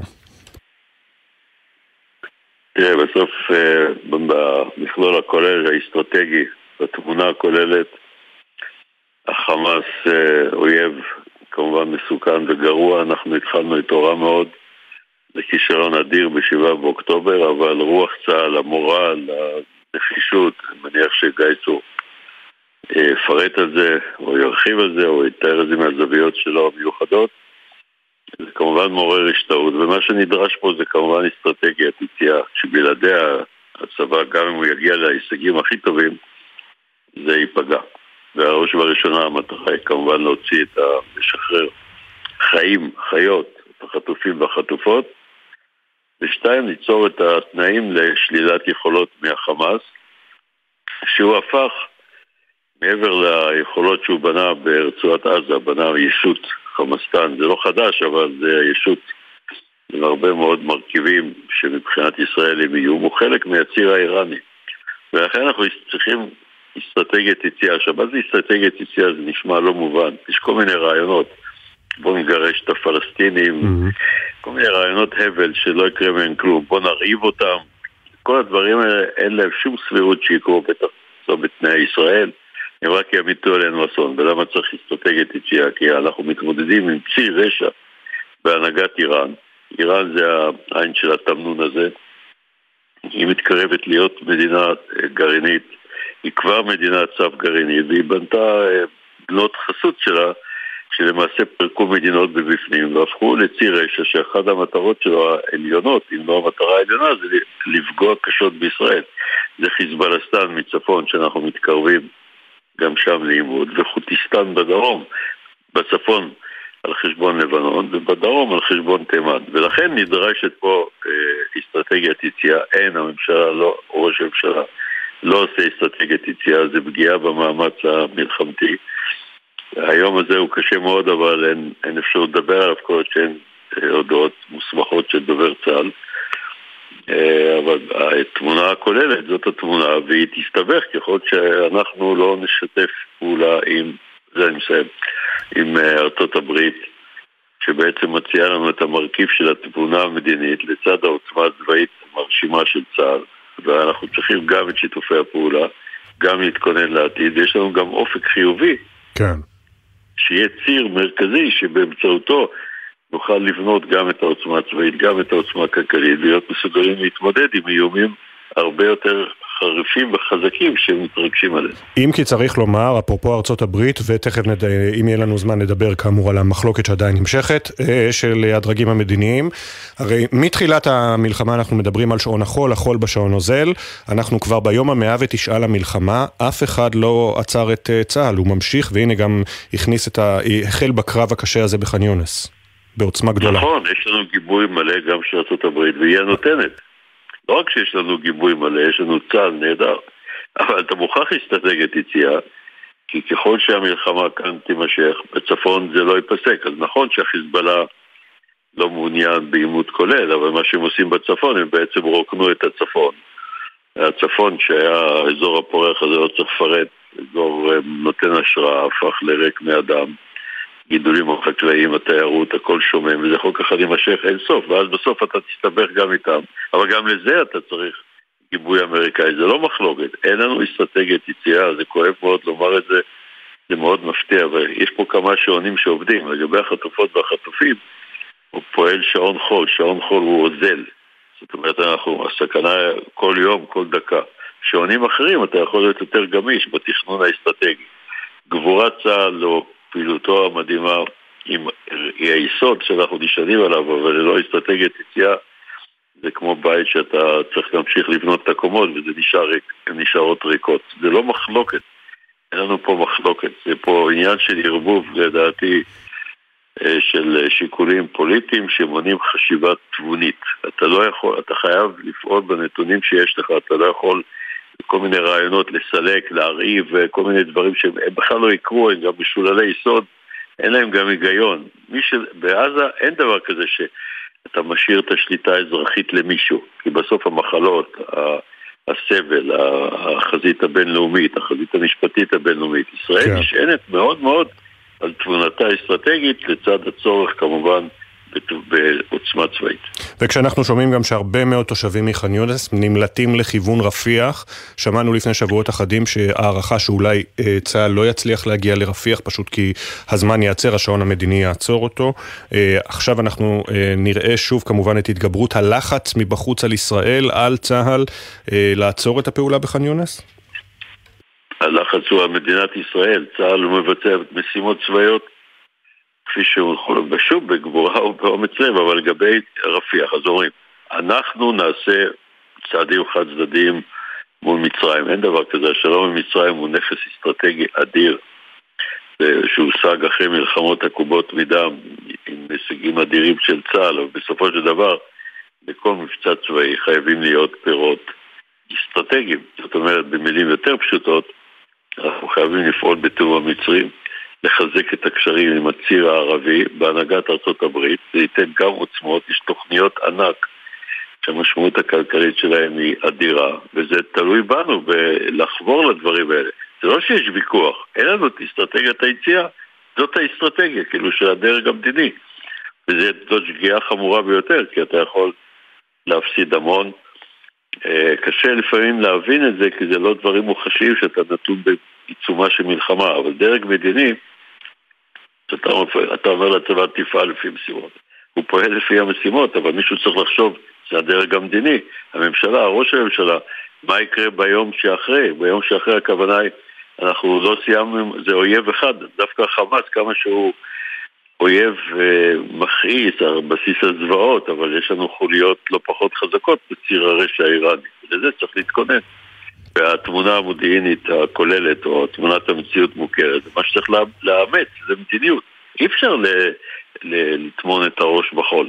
יש הרבה מאוד דיווחים, אה, האלוף במילואים גלעד, גם על ההצעות, גם שמענו אתמול את ראש הממשלה בקולו בהקלטות שהביא ירון אברהם בחדשות 12, אומר שיש הצעה שהוא הניח על השולחן, הצעה שלו, אה, שחמאס, אה, שמחכים לתגובת חמאס. הלילה ב-CNN טענו, שדיווחו שדדי ברנע, ראש המוסד, באחת הנסיעות שלו לקטאר, העלה את ההצעה לאפשר הגליה של בכירי חמאס החוצה מעזה ולא לפגוע בהם. כל ההצעות הללו על עסקת חטופים, כמו שאמרת קודם, שעון החול אוזל מבחינתם בעיקר, קודם כל ולפני הכל, כל ההצעות הללו אולי מעידות על איזשהו, איזושהי תזוזה בכיוון של אולי עסקה בהמשך? אני אגיד לך בניסיון של הרבה מאוד שנים, שראיתי איך הדברים האלה מתנהלים, המבחן היחיד הוא תוצאה. כשאתה מפרסם יוזמות, זה חשד או חשש שהסיבות הן אחרות. למה לפרסם את זה? ראש המוסד הוא בדרך כלל צריך לפעול ופועל בעלתת הסודיות וככה הארגון הזה רגיל לעבוד וזה אחד מסודות כוחו. מדוע להוציא כל מיני יוזמות שברור שהן, אה, או לפחות אפילו בלי להיות מצוי בפרטים, הם יידחו? צריך לומר בפומבי, זה ערך עליון. שמעל כל דבר אחר להחזיר את החטופות והחטופים, ואחר כך לדון בחדרי חדרים, תוך נגישות למודיעין רגיש, למגעים רגישים, ואז לבשר על התוצאה. כי ברגע שאתה מוציא יוזמה כזאת, אה, למשל, אה, יפסיקו את הלחימה לחודשיים, הוא לא יפסיק את הלחימה לחודשיים, או מה התמורה בדיוק, או אנחנו הגשנו הצעה וההצעה נדחית. אפשר להציע בלי שזה מפורסם, זה גם יוצר מפח נפש, או אלא אם כן המטרות הן אחרות, להראות על פעילות, אבל זה לא חלופה לפעילות אמיתית. תמיד צריך לעסוק בדברים האמיתיים, לפחות זאת תפיסתי. כמובן. אה, בואו נדבר עוד על המבצע בח'אן יונס, על מה שאנחנו יכולים אה, לומר. שם נמצאת ההנהגה הבכירה המרכזית והבכירה מתחת בח'אן יונס, כשההערכה היא שכנראה הם אה, גם משתמשים ביקירינו, בחטופים, לפחות בחלקם, כמגן אנושי. כן, אבל פה אני ממש מציע שאנחנו לא נפיץ שמועות, אלא אם כן הן מאושרות לפרסום. לא, לא, מבחינתך זה בסדר, אני עונה, ממליץ מהצד שלי. אנחנו, מאיפה, אנחנו לא קיבלנו שום הודעה מוספת של דובר צה"ל שהם אה, מוחזקים עם חטופים וחטופות. Mm. זה הערכות. זה הערכה, אוקיי. אבל אם לא, אם אנחנו נעסוק בהערכה, אתה יכול לגרום סבל, כי אחר כך יגידו, רגע, אז אולי הוא יעשה מעשים נואשים איתם. Mm. אני מעדיף תמיד להתבסס רק על ההודעות הרשמיות, כיוון שהודעה רשמית גם כוללת מנגנון של הודעה למשפחות, שגם ככה הסבל שלהם הוא, הוא נוראי. לכן, במקום, זה נכון שהם שוכנים כנראה בח'אן יונס, זה גם מה שמתפרסם, זה מרכז הכובד שהם בנו אותו שנים ארוכות, עם מערכת מדהימה. הרי עזה אמורה להיות אזור עני. תחשבו, שיחשבו כל המאזינים והמאזינות, מה היה קורה אם החמאס היה משקיע את כל הכסף האדיר שהוא השקיע במעין מערכת מפלצתית תת-קרקעית לשיקום או לבנייה כלכלית חברתית של עזה, שגם ככה נידונה לגורל קשה. ולכן, מה שחשוב לציין, שזה באמת מרכז הכובד. אחריו יש כמובן את רפיח, שזה אזור הגבול עם המנהרות, אבל מרכז הכובד הוא ח'אן יוניס, והקרבות הקשים והאירועים שלהם אנחנו מתבשרים, עדיין באמצעות כל מיני שמועות שלא כדאי להתייחס אליהם עד שדובר צה"ל לא יאשר אותם. אה, בוא נדבר על... אבל אני רוצה לומר שוב, כן. זה מאוד מאוד חשוב שהחטופות והחטופים יהיו ערך עליון. מה שצה"ל צה"ל מפליא לעשות בתחום הצבאי, אבל ללא אסטרטגיית יציאה שכוללת בסוף אפשרות לשקם את עזה באמצעות הון מהמפרץ, ברית צבאית מדינית עם מדינות, ה... מדינות ערב. אלה שיש לנו איתם שלום ואלה שעדיין אין לנו בניית מסדרונות. יש פה ממש הזדמנות לעסקת חבילה ענקית ואז, ואנחנו גם צריכים להסתכל, זה לא הזמן אולי כרגע ליהודה mm-hmm. ושומרון, שטח מבעבע, וכל הזמן אתה צריך לשלם תמונה מדינית. משפט אה, לפני סיום, משפט על אה, האזהרה המצרית הלילה. אה, דובר מטעם מצרים אומר, אל, אל תגיעו לציר פילדלפי, אנחנו משקיעים שם מספיק משאבים, המצרים. זה נקודת מחלוקת מסוכנת מול משטר הסיסי. לא הייתי קורא לו משטר הסיסי, אלא הייתי קורא לו מצרים. הנשיא סיסי, עבד אל-פתח סיסי הוא נשיא מצרים. מצרים מדינה ענקית. מצרים מדינה שהייתה איתנו במלחמות עקומות מדם והצלחנו לכונן איתה באמצעות חזון, ראייה חזונית, זה עוד דוגמה לתבונה של ראש הממשלה מנחם בגין, זכרו לברכה, והנשיא אנואר סאדאת. והשלום איתה הוא כל כך חשוב לישראל, ודווקא בתחום הביטחוני, היחסים בין צה"ל, מערכת הביטחון, במיוחד עם, העמיתים, עם מצרים, וגם בהיבטים אחרים, כלכליים, ככל שהשלום הזה מעמיק. אנחנו רק מסתכלים על הדברים הגרועים, על חמאסטן, חיזבאללסטן, אבל יש פה ציר של מדינות ערב ענקיות, או ענקיות בגודל, בשטח, באוכלוסייה, או חזקות מאוד מבחינת ההון שלהם, כמו כן. סעודיה. ואנחנו צריכים כל הזמן לא לחפש את המחלוקת איתם, אלא לנצל, לעשות הכל כדי שלא תהיה מחלוקת איתם, ודאי לא פומבית, כי זה יכול להביא אותנו למסלולים קשים מאוד. האלוף במילואים עמוס גלעד, לשעבר ראש האגף המדיני-ביטחוני במשרד הביטחון, ראש המכון למדיניות ואסטרטגיה באוניברסיטת רייכמן, תודה רבה לך על הדברים. אנחנו יוצאים להפסקה קצרה של אה, פחות מדקה וחצי ואחרי השעה השנייה של אה, בוקר טוב ישראל. כל העדכונים על אה, הקרבות הקשים בח'אן יונס ונדבר כמובן גם על מחאת משפחות החטופים שהולכת ומתעצמת ככל שחולפים הימים. מהי ההצעה הישראלית שהוגשה למתווכים מארצות הברית, קטאר ומצרים? יניר קוזין, כתבנו המדיני, יביא את הפרטים ונשמע את סיפורי הנופלים ששמותיהם הותרו אמש לפרסום. שניים מהם יובאו היום למנוחת מנוחת אה, עולמים. בוקר טוב ישראל, אנחנו מיד חוזרים עם השעה השנייה של המשדר ביום המאה ותשעה למלחמה.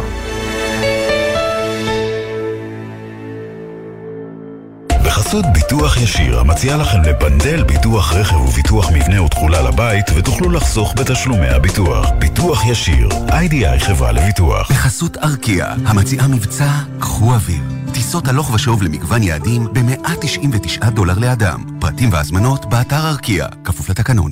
בחסות קרנות השוטרים, המציעה לעמיתיה את רכבי סוזוקי דגמי 2024 במגוון הנחות. לפרטים כוכבי 9955 או אתר קרנות השוטרים. אתם מאזינים לגלי צה"ל. עכשיו בלוטו 15 מיליון שקלים, ובדאבל לוטו עד 30 מיליון שקלים. המכירה אסורה למי שטרם מלאו לו 18. אזהרה, הימורים עלולים להיות ממכרים. הזכייה תלויה במזל בלבד. נהגים צבאיים, אתם שעות על הכביש. אתם חייבים לשמור על עצמכם ועל מי שחולק איתכם את הדרך. קבלו ארבעה כללי ברזל, חגורת בטיחות בכל נסיעה וחבישת קסדה בכלים הדורשים זאת. עצירה בשולי הכביש רק במצב חירום שאינו מאפשר המשך נסיעה. לא מתעסקים בטלפון הנייד בנהיגה. זכרו, מחכים לכם בבית. סעו בזהירות. הרלב"ד בשיתוף צה"ל.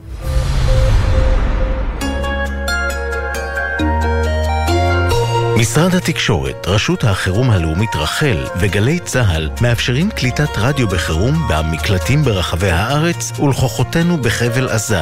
שידורי ניסיון נקלטים באמצעות משדרי ה-AM בחיפה והצפון בתדר 1287 קילו הרץ ובין חיפה לבאר שבע בתדר 945 קילו הרץ. גלי צה"ל, פה איתכם, בכל מקום, כל הזמן. עכשיו בגלי צה"ל, אפי טריגר, עם בוקר טוב ישראל.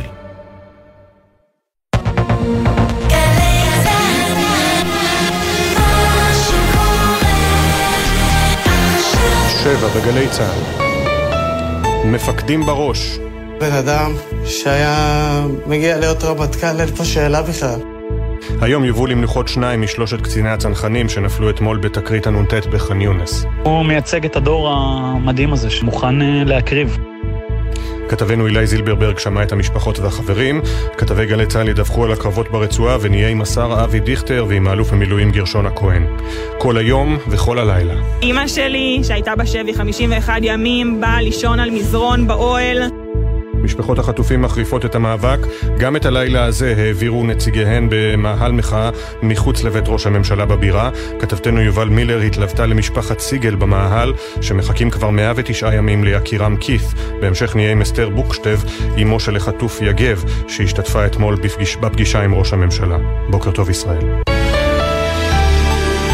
בוקר טוב ישראל עם אפי טריגר. שלום לכם. שני חללי צה"ל ששמותיהם הותרו אמש לפרסום יובאו היום למנוחת עולמים. רב סרן דוד נתי אלפסי, בן 27 מבאר שבע, סגן מפקד גדוד 202 בחטיבת הצנחנים, התאמן בבית העלמין במגדל העמק ב-11 לפני הצהריים. הלווייתו של רב סרן אילי לוי, בן 24 מתל אביב, מפקד פלוגה בגדוד, תתקיים ב-1 בצהריים בבית העלמין הצבאי בקריית שאול. השניים נפלו מפגיעת טיל נ"ט במבנה בדרום הרצועה. אמש הובא למנוחת עולמים, ההרוג השלישי בתקרית, רב סרן אייל מבורך טוויטו, זיכרונו לברכה, בן 22, מבית גמליאל.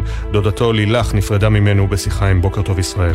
שמחת חיים, בכיפיות שלו, בצחוקיות שלו, ומצד שני הוא גם כזה רציני, אחד לא מוכן לפספס את אייל, לא לחוות אותו, לא ליהנות ממנו, לא לקבל ממנו קצת, כי הוא פשוט אה, ילד, אה, באמת, ילד מדהים, מדהים, מדהים. המגעים לעסקה לשחרור חטופים. על פי ההצעה שגיבשה הממשלה, ישראל תהיה מוכנה להפסקה משמעותית בלחימה בת כמה וכמה שבועות, כולל היערכות מחדש של הכוחות בשטח הרצועה, אך ללא התחייבות לסיום הלחימה. בתמורה ישחרר חמאס מספר גדול של חטופים, כשבתחילה תשוחררנה הנשים, בהמשך גברים מבוגרים, לאחר מכן גברים ולבסוף החיילים. כך מדווח הבוקר כתבנו המדיני יניר קוזין. כל זאת במסגרת חידוש המשא ומתן בין הצדדים, בהובלת ארצות הברית, מצרים וקטאר. קטאר. בינתיים לא התקבלה תשובה מהצד השני להצעת ישראל, שעוד עשויה להשתנות. בקבינט אה, הוחלט אמש כי הדיון על ההצעה יידחה עד שתתבהר התמונה מצד חמאס. בני משפחות חטופים לנו הלילה באוהלים מול מעון ראש הממשלה בירושלים, בהמשך נשמע את הקולות משם. מצרים מזהירה את ישראל מהשתלטות על ציר פילדלפי אה, שבגבול בין הרצועה לסיני. בהודעה שפרסם אמש משרד ההסברה של מצרים נאמר כי מהלך ישראלי שכזה יגרום לאיום מסוכן ורציני על היחסים בין המדינות. ראש מרכז ההסברה בממשלת מצרים, דיה רשואן, הדגיש כי מצרים שומרת על הגבול עם עזה ואף חשפה לאורך השנים 1,500 מנהרות. لا يوجد احد في العالم لا يعرف مدى الجهود التي قامت بها مصر وجيش مصر لكي تحافظ على الحدود الشماليه الشرقيه لمصر هناك كانت قويه لدينا هناك لدينا اسوار فوق الارض وتحت الارض אין אחד בעולם שלא מכיר את המאמץ שמצרים וצבאה השקיעו כדי לשמור על גבולה הצפון-מזרחי, אומר דיה רשואן. יש כוחות רבים, חומות מעל הקרקע ותחתיה. למצרים שמורה הריבונות המלאה על אדמתה, ומוזר שישראל משמיעה טענות בלתי מהימנות על הברחות ממצרים לעזה. ארצות הברית, בריטניה ובעלות ברית נוספות תקפו הלילה כמה יעדים של החות'ים בתימן בערים סנאה, תעז וביידה. התקיפה בוצעה כחלק ממבצע קשת פוסידון אה, שהכריזו ארצות הברית ובעלות בריתה נגד החות'ים בחודש האחרון. גורמים אמריקנים מגדירים את התקיפות הלילה מוצלחות וטוענים כי השמידו הם עמדות לשיגור טילים, אתרי אחסון נשק ומערכות כלי טיס בלתי מאוישים. עוד נמסר לרשת CNN כי התקיפות פגעו משמעותית ביכולות החות'ים. חבר הלשכה המדינית של החות'ים החות'ים בתימן, מוחמד אל-בוכייטי, אה, כתב מוקדם יותר ברשת איקס, התוקפנות האמריקנית-בריטית רק תגביר את הנחישות של העם התימני לבצע את האחריות המוסרית וההומניטרית שלו כלפי המדוכאים בעזה. עכשיו, העדכונים מגלגלצ והתחזית.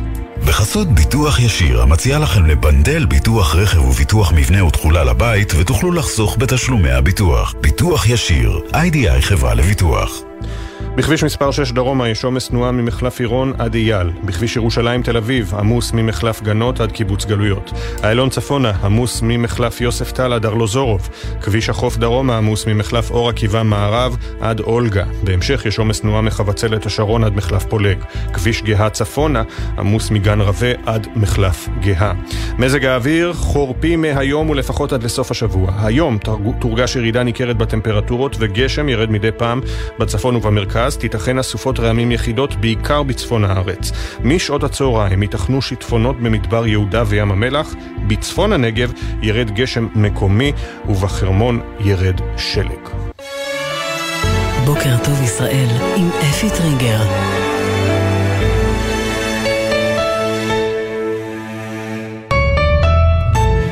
חמש דקות וחצי אחרי uh, השעה שבע, בוקר טוב uh, ישראל. אנחנו מרבים לדבר בשעות האחרונות על גבורת הלוחמים, על המפקדים שבראש. רק אתמול נמסר על נפילתם של שלושה קצינים uh, בכירים בקרבות בח'אן יונס. מדברים על יממה קשה, על שעות קשות, על קרבות אדירים שמתחוללים בח'אן יונס, כנראה מעל וגם מתחת לפני הקרקע, אבל ערפל הקרב עדיין שורר כמקובל במלחמה, ואנחנו כמובן... Uh, מבשרים לכם את הכל בהתאם להנחיות ולהודעות של דובר צה"ל. כל נופל הוא עולם ומלואו.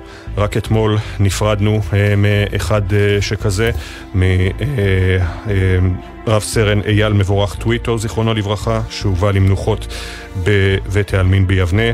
היום תארכנה הלוויותיהם של שני הנופלים האחרים באותה תקרית אתמול בח'אן יונס, רב סרן דוד נתי אלפסי.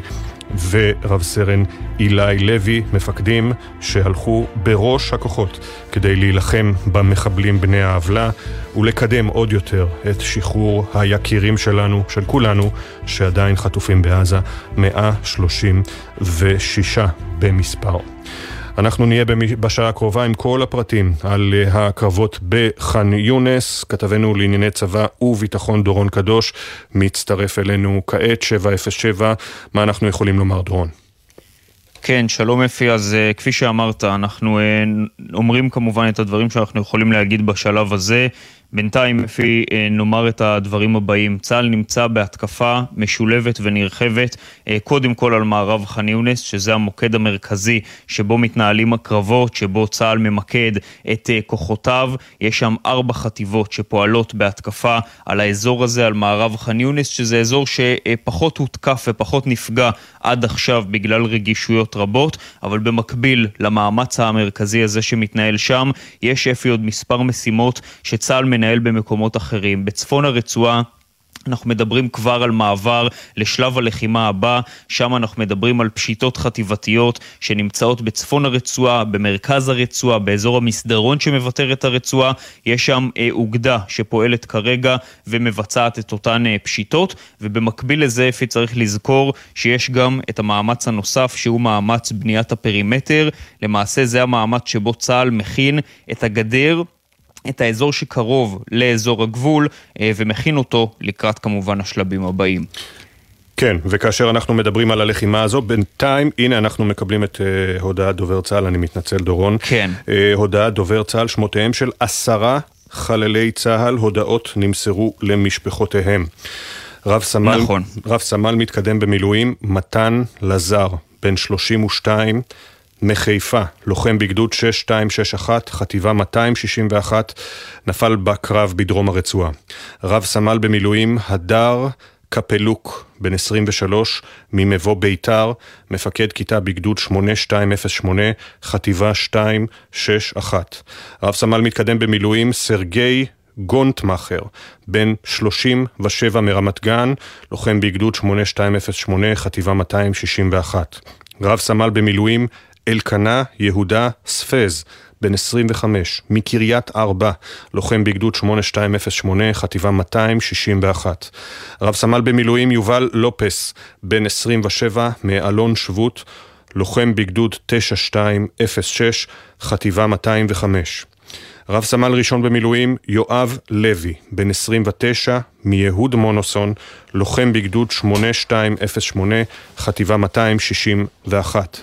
רב סמל במילואים ניקולס ברגר, בן 22, מירושלים, לוחם בגדוד 8208, חטיבה 261. רב סמל במילואים סדריק גרין, בן 23, מתל אביב-יפו, לוחם בגדוד 8208, חטיבה 261. רב סמל מתקדם במילואים, רפאל אליאס מושיוף, בן 33, מפרדס חנה כרכור, גם כן לוחם בגדוד 6261, חטיבה 261, רב סמל מתקדם במילואים ברק חיים בן וליד, בן 33, מראשון לציון, מפקד כיתה בגדוד 6261, חטיבה 261, צה"ל מתיר לפרסום את דבר נפילתם של עשרה לוחמי מילואים. בקרבות אתמול בח'אן יונס, שם קוד דרום הרצועה. דורון, מה אנחנו יכולים לומר עכשיו? דורון קדוש? כן, אפי. כן.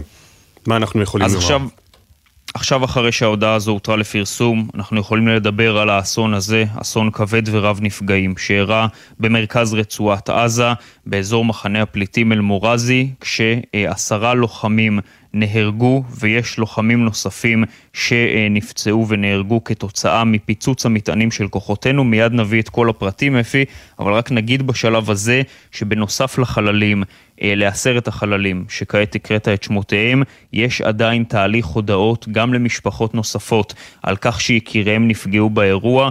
התהליך הזה עדיין נמשך, ואנחנו כמובן נביא את הפרטים הנוספים על יתר הנפגעים באירוע הזה מיד כשיושלם תהליך ההודעה למשפחות. מה שקרה באירוע הזה זה כוח מילואים, גדוד מילואים מחטיבה 261, שזו חטיבת המילואים של בה"ד 1, שתופסת גזרת כיסופים, עוסק במשימות האבטחה במרחב הגדר באזור דרום הרצועה, ובמסגרת המשימה הזו הלוחמים נדרשים להכין גם את אזור החיץ, מה שמכונה הפרימטר, כל אותו מרחב שסמוך לגדר, שצריך למעשה לטהר את המרחב הזה ולחשף את כל מה שנמצא בו. והגדוד נכנס אתמול בבוקר אה, למרחק של בערך כ-600 מטר מהגבול עם ישראל, אזור מחנה הפליטים אל-מורזי כאמור, במרכז הרצועה, והיה שם מקבץ של עשרה מבנים שהיה צריך להשמיד אותם באמצעות מוקשים יחד עם צוותי הנדסה. לקראת סוף הפעילות, מחבלים ירו שני טילי RPG. הטיל הראשון נורה לעבר טנק, באירוע הזה היו שני חללים, טנק שעמד בסמוך למבנים, וטיל ה-RPG השני נורה אל אחד המבנים שבתוכם כבר היו אמצעי חבלה של כוחותינו שמוכנים לפיצוץ.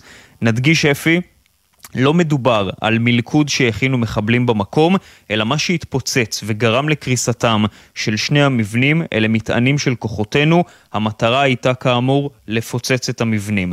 שני המבנים קרסו, המקום הזה הפך לאתר הרס ענק, והכוחות נדרשו להתחיל בפעולות חילוץ. היה צריך להקפיץ כוחות רבים מאוד למקום כדי להתחיל לחלץ את הנפגעים מבין ההריסות, ובשעות הראשונות, אפי, גם היו מנותקי קשר, היו שם נעדרים במקום, אנשים שלא ידעו מה עלה בגורלם, היה צריך לאתר אותם מבין ההריסות במשך שעות ארוכות.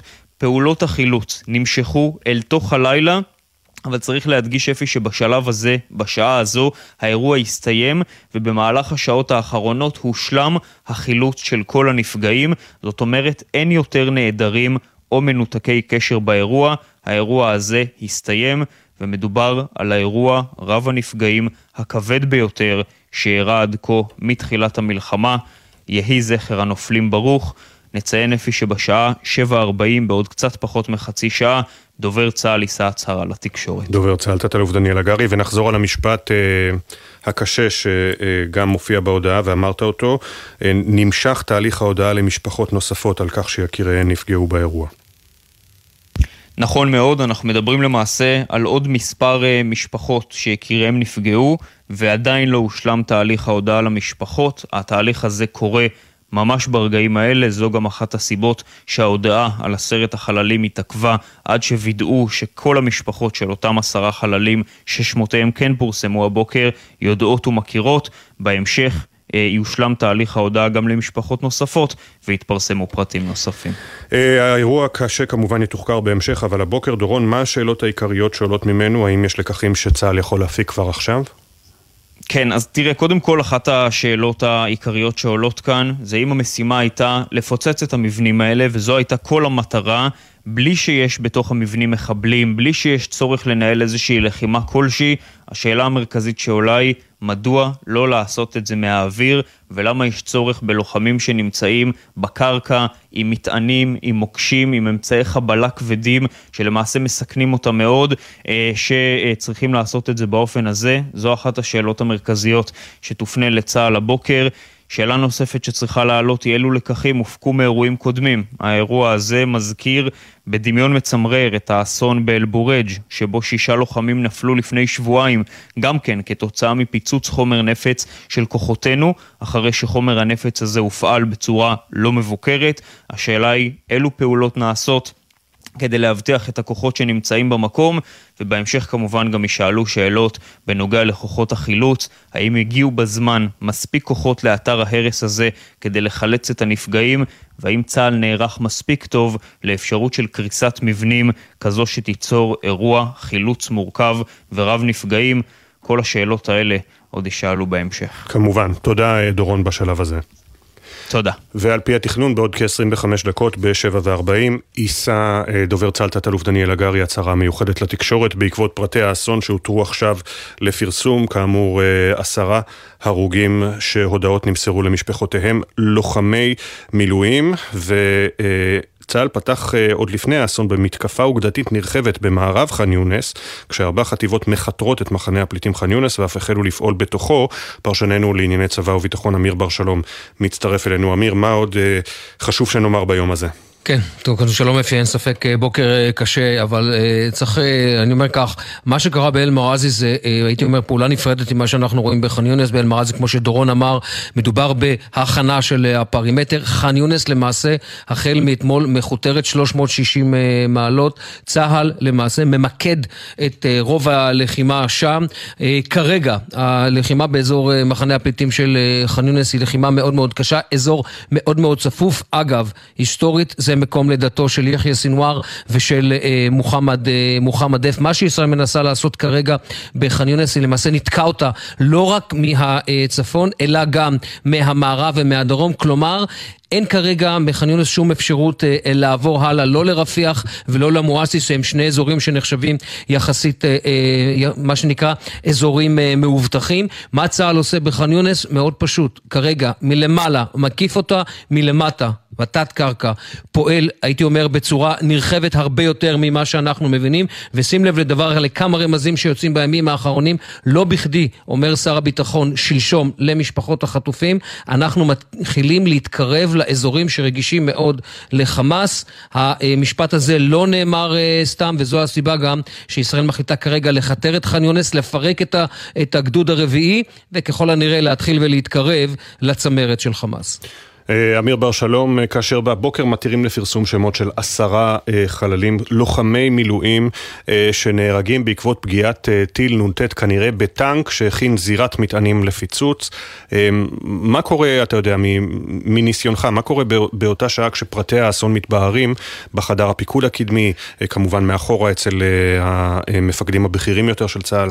תראה, צריך להפריד את זה לשתי רמות. אני חושב שקודם כל, ברמת השטח מיד מנסים להבין מה קרה ולהוציא כמה שאפשר מהר את הפצועים, אה, את הפצועים אחורה, mm-hmm. וברמה מעל זה, קודם כל לבודד את אזור הפעולה כדי לאפשר את פעולות ההצלה, שחלילה אנחנו לא ניכנס כאן לאיזושהי פעולה שהיא גם פעולת, אה, פעולת חטיפה ופעולה שיכולה לגרור נפגעים אה, נוספים. זה המאמץ הראשוני. קודם כל טיפול מהיר בפצועים, אבל אולי חשוב מכך, בידוד זירת הפעולה. כדי אם יש עוד איומים, אני מדבר אם יש עוד ירי, לנטרל אותו, לאפשר את פינוי הפצועים, ואז בסדר גודל של אירוע כמו שהיה אתמול, מהר מאוד להכניס את הכוחות המיוחדים שצריכים אה, לטפל, ודורון אה, דיבר על כך, הכניסו לשם את הכוחות המיוחדים של החילוץ וההצלה של אה, פיקוד העורף, מאחר ושני הבתים קרסו, ולכן הייתה, היה כאן ממש מרוץ נגד הזמן להגיע עד כמה שיותר מהר אל כמה שיותר נפגעים. תודה, אמיר. תודה. מצטרף אלינו חבר הקבינט המדיני-ביטחוני, השר אבי דיכטר, הליכוד, שר החקלאות, שלום לך. שלום רב. בפתח הדברים כמובן, בוקר קשה. כן, לא ספק, אנחנו מלווים את ההתפתחות שהייתה באלמרזי, במחנה הפליטים אלמרזי. אה, תראה, לכל מלחמה לצערי יש אה, רגעים קשים מאוד, וזה ללא ספק אחד הרגעים הקשים במלחמה הזו, במלחמת עזה הזו. הלב אה, עם המשפחות, אה, באמת אה, אירוע חריג, גם במספר הנפגעים, גם במאפיינים שלו, ללא ספק מה שדיווח כתבכם זה סיפור שיצטרך להיות מתוחקר, להבין איפה הכשלים כדי שלא יחזרו על עצמם. צודק כתבכם דורון שאמר על הדמיון משהו למה שהיה במחנה הפליטים ברייג' הסמוך ממש לפני שבוע. אה, כן, ללא ספק אירוע קשה מאוד. כן, אה, ונאמר גם שוב שדובר צה"ל ימסור עוד פרטים בעוד כ-20 דקות בהצהרה אה, מיוחדת, לא שגרתית כמובן. השר דיכטר, מי כמוך מכיר את האזור הזה, את אזור רצועת עזה, כי היית ראש מרחב דרום בשב"כ לפני שהיית ראש השב"כ עצמו. מה אתה יכול לספר לנו על ה... וגם כמובן ממה שאתה יודע בימים אלה, השליטה של חמאס שם עדיין נמשכת, מדולדלת, עדיין קיימת ברמה ש... מפריעה לכוחותינו? תראה, השלמת היעד של uh, השמדת תשתיות הטרור הצבאיות של החמאס והג'יהאד האיסלאמי בעזה מתקדמת uh, היטב על ידי צה"ל. עם כל ההיקפים הגדולים, עדיין uh, נשארו כיסים או אזורים מסוימים, כפי שדיווחתם, בח'אן יונס, אזור מחנה הפליטים, שהוא החלק המערבי של ח'אן יונס, על גבול מה שהיה פעם גוש קטיף. שם הקרב אה, כרגע, שם נהרגו שלושת הקצינים אה, אתמול. האזור הזה הוא אזור אה, משמעותי מאוד, מפני שזה הבית גם של ראש החמאס, של יחיא סנוואר, וגם של יד ימינו, מוחמד דף, הם שניהם מוצאם ממחנה הפליטים ח'אן יונס, שם הבסיס הכי ביתי שלהם, ולכן הקרבות שם הם קשים מאוד. צריך לזכור שלאחר מכן יישאר עוד uh, כל נושא רפיח, ששם uh, צה"ל עדיין לא נמצא, בוודאי לא בהיקפים קרקעיים, ואולי עוד uh, כיסים נוספים באזור מחנות המרכז מול מרזי, המחנה שבו היה האסון אמש, ששם בצד המערבי שלו ישנם עדיין שני אזורים של נוסרת ומחנה הפליטים דיר אל-בלח והעיר דיר אל-בלח, שזה ספח נוסף שצריך יהיה גם עליו להשתלט כדי להשמיד את תשתיות הטרור הצבאיות. כמובן שזה לא אה, מבטל את כל היכולת הטרוריסטית, לא של החמאס ולא של הג'יהאד האיסלאמי, אבל uh, לכתישה הראשונה זה בהחלט uh, הסגירה הזו של, המה, של האזורים האלה uh, תהיה שלב מאוד מאוד מכריע. Uh, מבחינתנו בוודאי, מבחינת החמאס והג'יהאד האיסלאמי זה שלב שהם uh, מנסים למשוך אותו ככל שניתן, אבל עם הזהירות הראויה ובעיקר הנחישות הנכונה של uh, הלוחמים שם, האזורים האלה גם כן uh, יעברו את תהליך השמדת היכולות הצבאיות, ואז יצטרכו לעבור לעשות... גם רפיח למשל? כן, כן, בוודאי. רפיח אנחנו נגיע לרפיח. לא, רפיח היא חלק אה, בלתי נפרד של אה, הטרור. אה, ברפיח עצמה יש מעוזי חמאס משמעותיים מאוד, צריך לזכור, רפיח במקור זה אזור של בערך 200 אלף איש.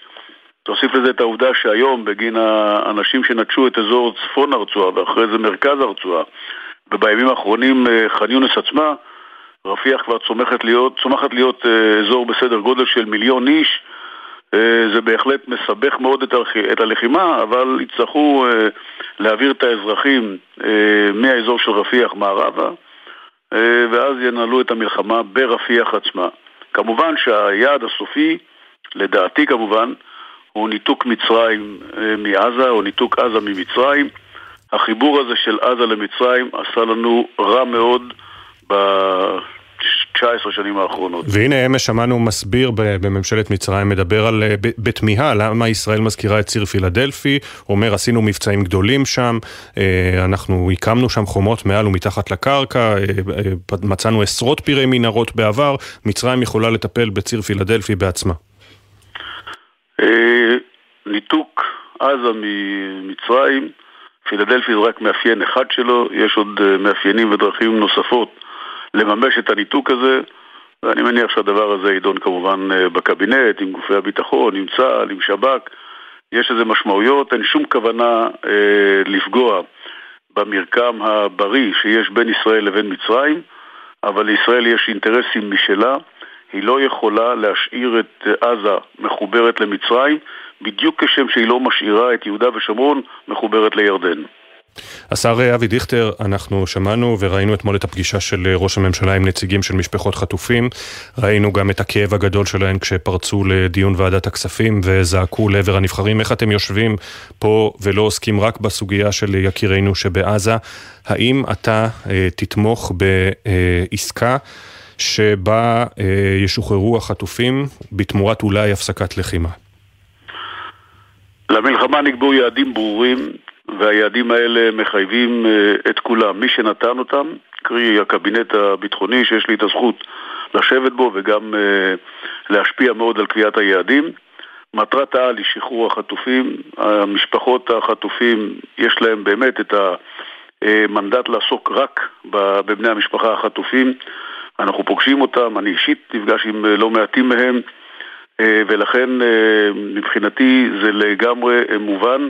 העיסוק שלהם רק ביקיריהם שנמצאים אה, בעזה.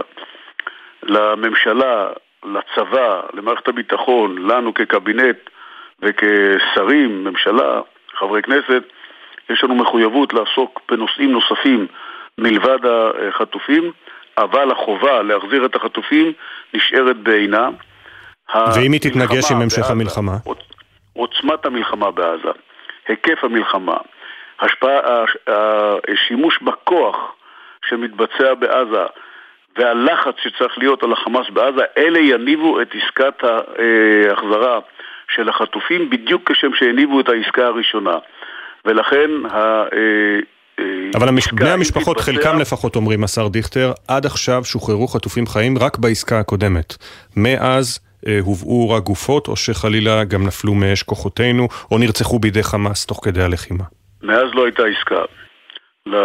צריך להבין, הייתה עסקה אחת ולא הייתה עסקה שנייה. לחמאס יש כמובן אינטרס לעשות עסקה על חטופים חיים, זה מאפשר להם אה, יכולת מיקוח טובה יותר, והם יודעים לממש את זה. לנו יש יכולת לחץ טובה יותר, צריך לממש אותה כדי להגיע לעסקה, ולעסקה יש מחירים. אנחנו לא נבהלנו אה, במחירים ששילמנו בעסקה הראשונה, לא ניבהל מהמחירים שנשלם בעסקה השנייה כדי להביא את החטופים הביתה, את כל החטופים הביתה, את כל המאה ה-36. תהיה עסקה שנייה? בין אם חיים ובין אם המתים שבהם, ובכל מקרה, המלחמה לא תסתיים לפני אה, השגת היעדים, והיא לא תסתיים לפני החזרת החטופים. תהיה עסקה. נוספת. אני מקווה מאוד שתהיה עסקה. אנחנו מצווים, לא רק עניין ערכי מוסרי, אלא הרבה מעבר לזה. אנחנו היינו אחראים על הביטחון של אה, יישובי העוטף. אנחנו היינו אחראים על מי שהגיע למסיבה ברעים, אנחנו היינו אחראים למי שנחטף מאזורים אחרים, עמוקים יותר, כולל באזורי אה, אופקים. בסופו של דבר, האחריות הזו מחייבת אותנו, אבל okay. אוקיי. אסור בשום פנים ואופן שמישהו יחשוב, לא בצד שלנו, בוודאי לא בצד השני, שהמלחמה הזו אה, תסתיים בלי שיושגו היעדים. אני לא מכיר אף אחד בישראל, לא ראש הממשלה ולא אף אחד אחר, שיהין לסיים את המלחמה בעזה בלי לממש את שני היעדים האלה, השמדת תשתיות הטרור הצבאיות של החמאס והג'יהאד האסלאמי בעזה, ומיטוט היכולת השלטונית של החמאס בעזה. השר אבי דיכטר, חבר הקבינט, שר החקלאות הליכוד, תודה רבה שהצטרפת אלינו. תודה, בשורות טובות. נקווה מאוד, אמן. הפקודה אחריי, הביטוי מפקדים בראש והסיסמה תדע כל אם עברייה מקבלים במלחמה הזו ביטוי ממשי.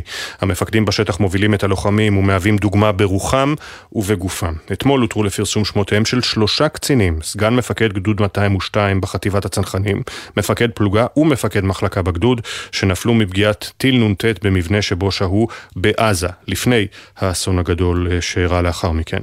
כתבנו אילי זילברברג מביא את סיפורי השלושה.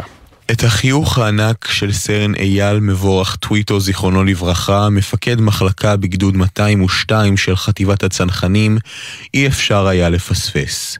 חיוך שהיה חלק בלתי נפרד ממנו, בכל שיחה, מפגש או במשחקי הכדורסל עם אחיו. אמש הוא הובא למנוחת עולמים. לילך דודתו כבר מתגעגעת לשילוב הייחודי שהיה בו, שילוב בין נחישות לצחוק. שמחת חיים, בכיפיות שלו, בצחוקיות שלו, ומצד שני הוא גם כזה רציני וכזה קצין מורעל וכזה אה, אחד שמסתכלים אליו, תמיד הוא כזה מוכשר ומצליח, אף אחד לא מוכן לפספס את אייל, לא לחוות אותו, לא ליהנות ממנו, לא לקבל ממנו קצת, כי הוא פשוט אה, ילד, אה, באמת, ילד מדהים, מדהים, מדהים. חתיך, צ'ארמר, אה, קסם. רב סרן אילי לוי, מפקד פלוגה באותו גדוד בצנחנים, חגג את יום הולדתו ה-24 רק לפני שלושה שבועות. הוא פעל תמיד מתוך תחושת משמעות. חדור מטרה, אף פעם לא עשה דברים מכורח המציאות, אלא רק מה שהאמין בו. אמיר מנחם, מנכ"ל תנועת הנוער חמש אצבעות, שליווה אותו במהלך פעילות התנועה, תמיד ראה בו מנהיג. בן אדם שתמיד לוקח אחריות, שתמיד רואה את הסביבה שלו, תמיד חיובי. אוהב אדם, אנרגטי, תמיד אתה תראה חיוך על הפנים. והוא מייצג את הדור המדהים הזה שמשלם את המחיר במלחמה הזאת, ומוביל את המדינה שלנו קדימה, ומוכן אה, להקריב. כזה היה אילי. על השניים פיקד סגן מפקד גדוד 202 בצנחנים, רב סרן דוד נתי אלפסי, חבר אהוב ומפקד נערץ. זה שתמיד הייתה לו עצה טובה לכל מצב, וראה בפקודיו שותפים לדרך. איתי, החבר שגדל לצידו בבית הספר ובקבוצת הנוער העירונית בבאר שבע, מתקשה לתפוס שנתי כבר לא יגיע לפסגות שהיו ייעודו. נתי בשבילי מודל להערצה. להגיד משכמו ומעלה זה אפילו לא מתחיל לתאר אותו. אדם נאור, הוא תמיד היה הכי אהוב מכל מקום. הצבא הפסיד פה באמת בן אדם שהיה מגיע להיות רמטכ"ל, אין פה שאלה בכלל. היה אבא מדהים.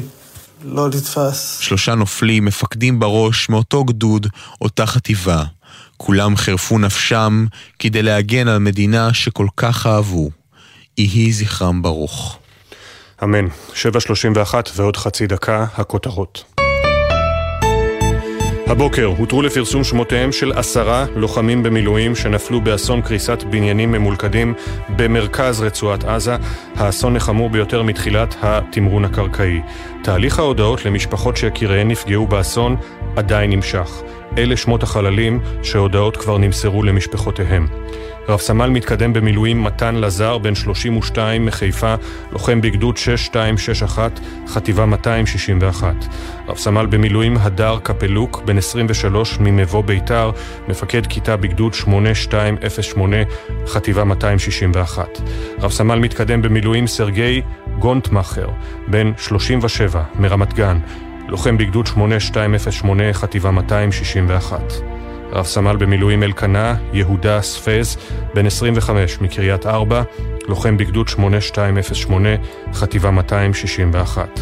רב סמל ראשון במילואים יואב לוי, בן 29, מיהוד מונוסון, לוחם בגדוד 8208, חטיבה 261. רב סמל במילואים ניקולס ברגר, בן 22, מירושלים, לוחם בגדוד 8208, חטיבה 261. רב סמל במילואים סדריק גארין, בן 23, מתל אביב-יפו, לוחם בגדוד 8208, חטיבה 261. רב סמל מתקדם במילואים, רפאל אליאס מושיוף, בן 33, מפרדס חנה כרכור, לוחם בגדוד 6261, חטיבה 261. רב סמל מתקדם במילואים ברק חיים בן וליד, בן 33 מראשון לציון, מפקד כיתה בגדוד 6261, חטיבה 261. רב סמל במילואים יובל לופס, בן 27 מאלון שבות, לוחם בגדוד 9206, חטיבה 205. באותו הקרב נפצע קשה לוחם במילואים בגדוד 9206, הוא פונה לקבלת טיפול ומשפחתו עודכנה. האסון שבו נפלו עשרת לוחמי המילואים התרחש כ-600 מטרים מהגדר עם ישראל. הכוחות עסקו במלכוד מבנים כדי למוטט אותם. טיל RPG שירו לעברם מחבלי חמאס הפעיל את מטעני הנפץ ששימשו את הכוחות וגרם לקריסת המבנים על הלוחמים. טיל RPG נוסף פגע בטנק סמוך והרג שני לוחמים.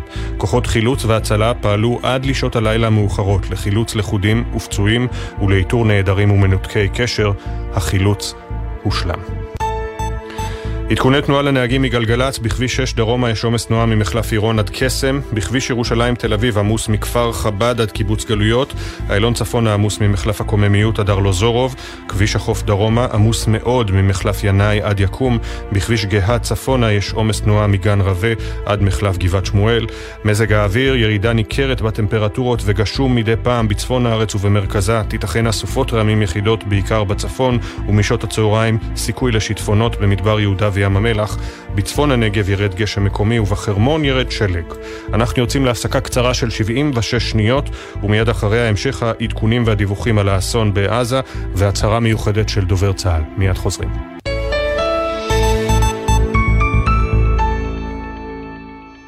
בחסות הפניקס סמארט, המעניקה שלושה חודשים מתנה וגם שלושה חודשים דחייה בתשלום הביטוח המקיף לרכיב. כוכבית 5432, כפוף לתקנון, הפניקס חברה לפיתוח בע"מ.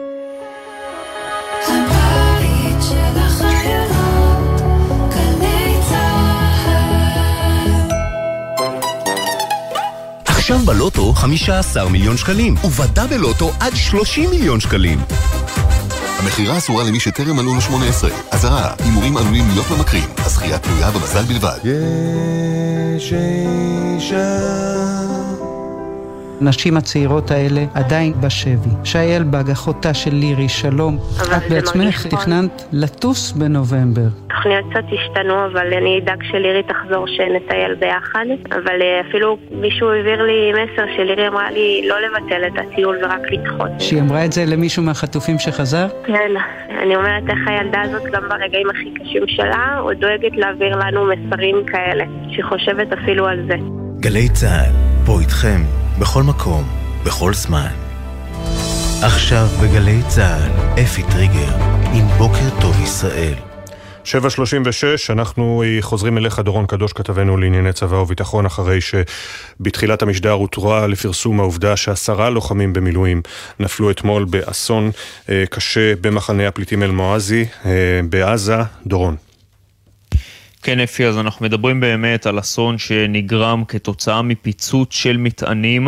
המטענים האלה יועדו לפוצץ את אותם מבנים במסגרת פעולות לניקוי השטח, להשטחת השטח שנמצא בסמוך לגדר. למעשה, אפי, נזכיר, כל הפרימטר, כל הרצועה של בערך עד קילומטר מהגדר, מהגבול בין עזה לישראל, זה רצועה שצה"ל מעוניין להשאיר אותה ריקה לחלוטין, נקייה לחלוטין, במסגרת המטרה לייצר איזשהו אזור ביטחון, איזשהו אזור חיץ, ולכן זו הייתה המשימה של הלוחמים. צריך להגיד, אפי, בעניין הזה, שהמטענים שהתפוצצו והקריסו את המבנים, אלה מטענים של כוחותינו, ומה שהפעיל כנראה את המטענים זה ירי של טיל נ"ט, טיל RPG, אחד כנראה, לעבר אחד המבנים, זה מה שיזם את הפיצוץ. בנוסף לזה, היה אירוע נוסף בסמוך של ירי RPG נוסף על טנק שהיה שם, טנק של כוחות צה"ל, שכתוצאה מהאירוע הזה נהרגו שניים מהלוחמים באירוע. צריך להדגיש, אפי, שעד כה פורסמו שמותיהם של עשרה חללים, אבל צה"ל ממשיך בתהליך ההודעה לבני המשפחות. מדובר על תהליך ארוך ומורכב. עד כה במהלך אה, שעות הלילה והערב אתמול נמסרה כבר ההודעה והושלם תהליך ההודעה לעשר משפחות, אבל הודעות נוספות נמסרות בשעות קשות אלו ממש, ובהמשך צפויה להתפרסם הודעת דובר צה"ל עם יתר הנפגעים באירוע. ואז יתבררו אה, ממדי האסון הזה. נגיד אפי בשלב הזה, שאנחנו מדברים כמובן על תחקור של צה"ל שמתבצע במקביל לכל אותם אה, מאמצים, אבל מאמצי החילוץ עצמם בשטח הסתיימו. זאת אומרת, אם היו במהלך השעות הראשונות של האירוע נעדרים, מנותקי קשר, אנשים שהיו בין ההריסות, לא, ידעו, לא הצליחו לחלץ אותם בהתחלה בשעות הראשונות וגם לא הצליחו להגיע אליהם, כעת אנחנו יכולים לומר שהאירוע הסתיים, כלל פעולות החילוץ הושלמו, אלה פעולות חילוץ מורכבות שנעשו עם יחידה 669. עם כוחות של פיקוד העורף כמובן, עם כלבים של יחידת עוקץ שמתמחים באיתור נעדרים, mm-hmm. ולאחר כל המאמצים האלה אין יותר נעדרים או מנותקי קשר באירוע. תודה דורון. נעדכן שהצהרת דובר צה"ל כרגע השעה מעודכנת היא שבע וחמישים, בעוד כ-11 דקות מצטרף אלינו האלוף במילואים גרשון הכהן, לשעבר מפקד הגיס המטכ"לי ומפקד חטיבה 7, שלום לך. שלום, אה, בוקר טוב, מקווה לטוב. נקווה לטוב. כן, אה, בוקר קשה, הותרו לפרסום שמותיהם של עשרה לוחמים במילואים שנפלו באסון הזה. תהליך ההודעה למשפחות נוספות על יקיריהן שנפלו נמשך, כך נאמר בהודעה הרשמית של דובר צה"ל. אה, ואנחנו שוב נזכרים, לא שמישהו צריך להזכיר ללוחמים בשטח, אבל אנחנו כאן בעורף נזכרים במחיר הכבד של המלחמה הזו. כן, בהחלט, המחיר אה, מאוד כבד. זו מלחמה ארוכה. ובמובנים רבים היא קשה ממה שהכרנו במלחמת יום כיפור. אה, היא קשה לא רק אה, במחיר, המחיר של יום כיפור זה לא נמדד רק במספרים, אלא במבוכה לגבי המשך המלחמה ומה המלחמה משיגה. אה, לא שאנחנו לא חדורים באמונה בניצחון, אבל מבוכה זה חלק ממלחמה. וזה אחד הדברים שמאפיינים מלחמה, שיש בה שעות קשות מהסוג הזה. מה אתה יכול לומר על המורכבות של אירוע כזה, כפי שאנחנו שומעים מההודעה הרשמית, אה, כאשר מכינים זירת מטענים לפיצוץ, מבנים לפיצוץ, אבל טיל RPG פוגע באחד המבנים ומפעיל את הזירה הזו על הלוחמים שם בפנים, לאחר מכן עוד RPG פוגע בטנק סמוך ושם נהרגים עוד שני לוחמים. אה, אני מניח שגם ילמדו, גם יתחקרו, גם ינסו להימנע מריבוי לוחמים במהלך פעולה כזאת. אבל כל מי שעוסק בחומרי נפץ יודע כמה זה מסוכן. אה, היו לנו גם תאונות מבצעיות אה, בעבר בסוף ההתשה הייתה פשיטת צנחנים על האי שדואן שחזרה נחתת חזרה לאילת משאית תחמושת התפוצצה שם בנמל והיו מעל 20 הרוגים. אה, מלחמה יש בה אה, כל כך הרבה סיכונים, אה, וחברה צריכה להכיל את ה... ולשאת את האימה של המלחמה, וזה לא קל. ולכן צריכה להיות פה גם יכולת של תיווך של המציאות הקשה על ידי ההנהגה בסיפור לאן הולכים, ובאמת, המלחמות שלנו עד היום אה, לא הביאו למצבים קשים כאלה, כי לא ממש עברנו מלחמה ארוכה, כולל מלחמת העצמאות הייתה מאוד ממוקדת בכיוון שלה. וצריך ללמוד מאיך מתנהלת אוקראינה במלחמה ארוכה, איך התנהלה בריטניה במלחמה ארוכה במלחמת העולם השנייה. היו שם שעות קשות, אה, גם שנה, שנתיים אחרי תחילת המלחמה, שהניצחון נראה מהם והלאה, והם האמינו בו. כן. אה, אתה יודע, נהוג לומר, אה, אמר מי שאמר כל העם צבא, אני מקבל בדקות האחרונות הודעה ממאזינה שלנו, מאיה, שאני מכיר אותה מאזינה קבועה, שניצלה בעבר, נפגעה קשה בפיגוע בירושלים וניצלה, והשתקמה והקימה משפחה בית בישראל, והיא מספרת לי עכשיו שהייתה חלק מחטיבה 261, היא שירתה בבה"ד 1, חטיבה 261 שעימה נמנים עשרת הנופלים.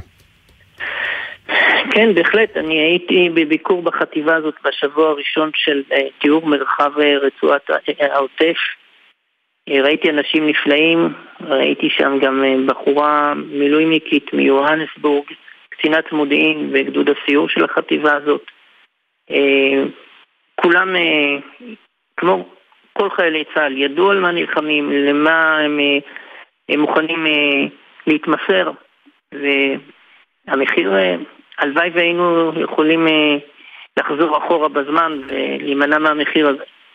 האלוף במילואים, כן, האלוף במילואים גרשון הכהן, אנחנו חייבים לסיים בנקודה הזו, אני מאוד מודה לך. מאה אחוז, ובשורות טובות בהמשך, נתפלל ונקווה. מצטרפים לתפילה, תודה רבה לך, האלוף במילואים גרשון הכהן. תמיד uh, מרחיב את הלב לשמוע אותו.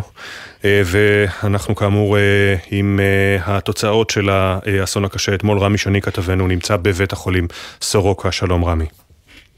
שלום אפי, לפני זמן קצר התפרסמה הודעה באשר למספרי החללים שנפלו באותו אירוע. אנחנו כאן במרכז הרפואי סורוקה בבאר שבע, שוחחנו לפני זמן קצר אחד הרופאים, אז אם אפשר יהיה לשמוע אותו, אבקש שתגיד לי. בכל אופן, לכאן הגיעו במהלך הלילה וה... ואחר הצהריים, כלומר מאחרי האירוע, שבעה נפגעים, שניים מהם במצב קשה, שניים במצב בינוני והשאר במצב קל. לפי מה שאמר הרופא, הם uh, סובלים מפגיעות שמאפיינות שמאפיינות mm-hmm. אירועי הדף קשים. אז בוא נשמע אותו, רמי, יש לנו את הקטע של הרופא ואז נמשיך. ביממה האחרונה הגיעו לבית החולים סורוקה שבעה פצועים, שניים מתוכם במצב קשה. הם מורדמים ומונשמים ומאושפזים בטיפול נמרץ. שניים אחרים במצב בינוני, פגיעות אורתופדיות, והשאר פצועים במצב קל. רמי. אז אנחנו מבינים שהם, נפג... שהם נפגעו במהלך אותו אירוע, ומה שאומר הרופא דוקטור גלעד גבאי, דוקטור אוהד גבאי, הוא שבעצם הם סובלים מפגיעות שמאפיינות אירועים של התפוצצות מטעני נפץ או קריסה של מבנים, זאת אומרת פגיעות שמתחילות באירוע חיצוני ונמשכות לתוך הגוף בפנים, ולכן הם סובלים מהפגיעות בעיקר בשלד ובעצמות הגוף, mm-hmm. אבל כמובן גם מפצעים, המשפחות לידם והרופאים כעת מטפלים בהם. לפי מה שהוא אומר, לא נשקפת סכנת חיים לאף אחד מהם. תודה, רמי שני, כתבנו בסורוקה, כתבנו בדרום. תודה.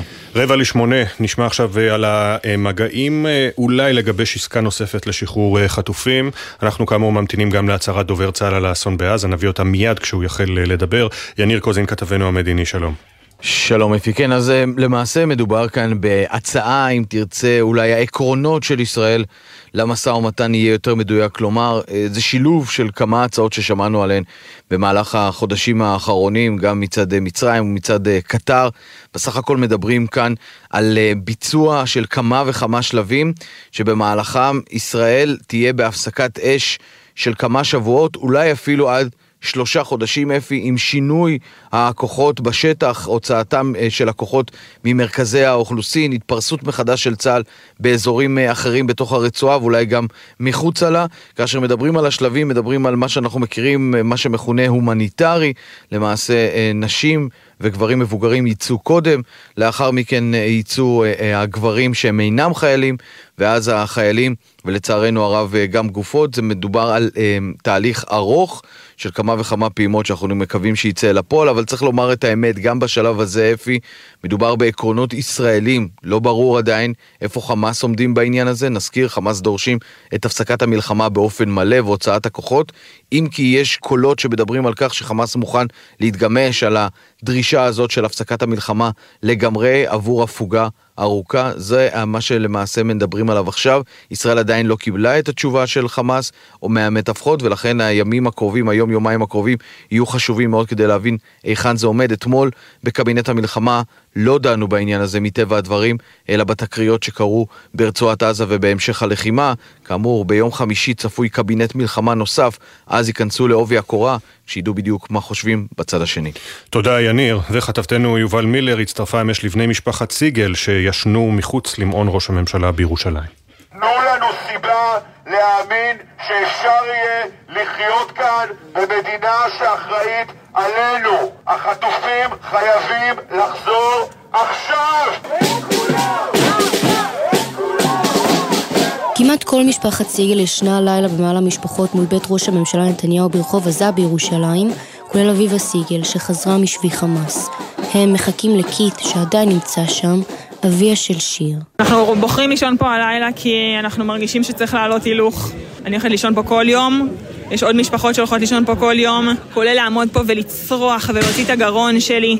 אנחנו כולנו ישנים כאן, כולל אימא שלי, שהייתה בשבי 51 ימים, באה לישון על מזרון באוהל, ולמרות שהיא עוד בשיקום אחרי כל מה שהיא חוותה, כי גם לה נמאס. זה הלילה השני של המשפחה ושל משפחות אחרות מחוץ לבית ראש הממשלה, כשברקע דיווחים על עסקה שמרגישה רחוקה מאוד. מתחננת כי אין לי יותר דרך לבקש או לדרוש! יש עסקה על השולחן! יש לו חמישה נכדים שמתחננים לראות אותו! אבא שלי חייב לחזור הביתה, ואיתו 135 אנשים שחייבים לחזור הביתה עכשיו! לי סיגל, אחיו הבכור של קית', יהיה בעוד חודש בן 72. המתנה שהוא הכי היה רוצה לקבל היא כמובן את אחיו הקטן בחזרה, אחת שהוא יזכה לחבק אותו שוב, לי הודיע שהוא יישאר בקור הירושלמי. היה כאן הערב ניסיון לתקשר עם ראש הממשלה שהוא יתעשת להתייחס לעסקה שמונחת, וגם אם היא לא מונחת, שהוא יניח עסקה, ואח שלי יחזור אתמול. נתן סיגל, אחיינו של קית', סיפר שהוא כמעט ולא מצליח להירדם, ותנאי השטח לא בדיוק עוזרים. אנחנו פה פשוט אה, להמשיך להעלות את המודעות. אה, ישנים אבל לא ישנים כזה. אתה פה, מה, כי תעובר כרגע מהשאר החטופים, אנחנו יכולים לישון והוא לא, זה, זה קשה. גם הלילה צפויים לישון סמוך למעון ראש הממשלה בירושלים משפחות חטופים, עד שיחזרו יקיריהם. נתן ביקש להעביר מסר לכית' מהאוהל בולן הלילה. אנחנו מאוד מתגעגעים אליך, אנחנו לא מרפים לרגע, אנחנו נלחמים לחזרה שלך ומחכים בקוצר רוח אה, לחבק אותך שוב. גם אנחנו מחכים. אה, דורון קדוש כתבנו לענייני צבא וביטחון, בדקות הקרובות, אולי אפילו בדקה שתיים הקרובות, דובר צה"ל ימסור עוד פרטים על האסון הכבד. דורון. נכון אפי, ובעניין הזה הייתה התלבטות גדולה איך לבשר לציבור על אסון בסדר גודל כזה, ומה שהוחלט בסופו של דבר הוא להוציא את ההודעה עם שמות החללים ששמותיהם אה, אה, פורסמו לאחר שההודעה נמסרה לבני משפחותיהם, ולאחר מכן הצהרה של דובר צה"ל, שצפויה כפי שאמרת להתחיל ממש בדקות הקרובות, אולי אפילו קודם לכן, דובר צה"ל ימסור לציבור את פרטי האסון, ישיב לשאלות כמובן אה, וימסור פרטים נוספים ככל שידוע כרגע, אבל חשוב להדגיש שבכל מקרה מדובר על אירוע שהסתיים לאחר שחילוץ הנפגעים הושלם במהלך אה, שעות הלילה. תודה דורון, אנחנו רואים את אה, דובר צה"ל תת-אלוף דניאל הגרי מתייצב מול המיקרופונים ומיד נשמע אותו בעקבות האסון הקשה בעזה, כאמור עשרה לוחמי מילואים נהרגו שם. הותרו לפרסום שמותיהם של עשרה הרוגים, תהליך ההודעה נמשך. אני מבקש הנה. הבוקר לעדכן, לעדכן אתכם באירוע קשה מאוד שאירע אתמול. במהלך הלחימה במרכז רצועת עזה נפלו 21 לוחמי מילואים. הכוחות פעלו במרחב שחוצץ בין היישובים הישראלים בעזה בסמוך ליישוב כיסופים. הכוחות הסירו מבנים ותשתיות טרור במרחב, במרחב כ-600 מטר מהגבול. משימה זו היא ליצירת התנאים הביטחוניים לחזרתם של תושבי הדרום לבתיהם. לפי הידוע לנו בשלב זה, סביב השעה 4, ככל הנראה נורה טיל RPG על ידי מחבלים לעבר טנק שהבטיח את הכוח. ובמקביל לכך אירע פיצוץ של שני מבנים דו-קומתיים. המבנים קרסו כתוצאה מהפיסוץ הזה, בשעה שמרבית הכוח נמצא בתוכם. בתוכם ובסמוך אליהם. המבנים ככל הנראה התפוצצו כתוצאה ממוקשים שכוחותינו הטמינו בהם והיו לקראת תהליך של פיצוץ המבנים ותשתיות הטרור במרחב. אנחנו עדיין מבררים ומתחקרים את פרטי האירוע, את הסיבה לפיצוץ.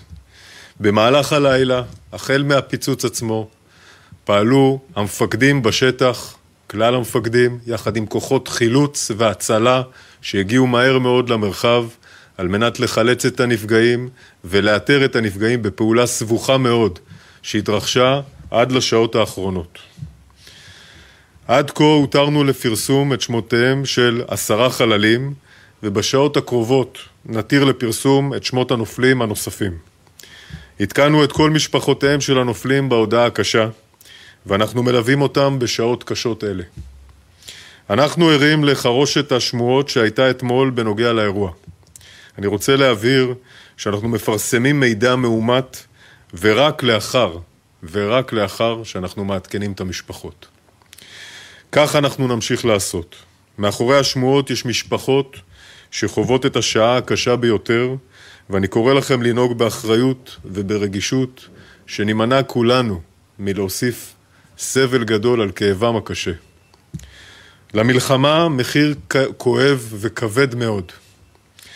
אנשי המילואים המסורים, אשר התייצבו לדגל, הקריבו את היקר להם מכל, למען ביטחון מדינת ישראל, כדי שאנחנו כולנו נוכל לחיות כאן בביטחון.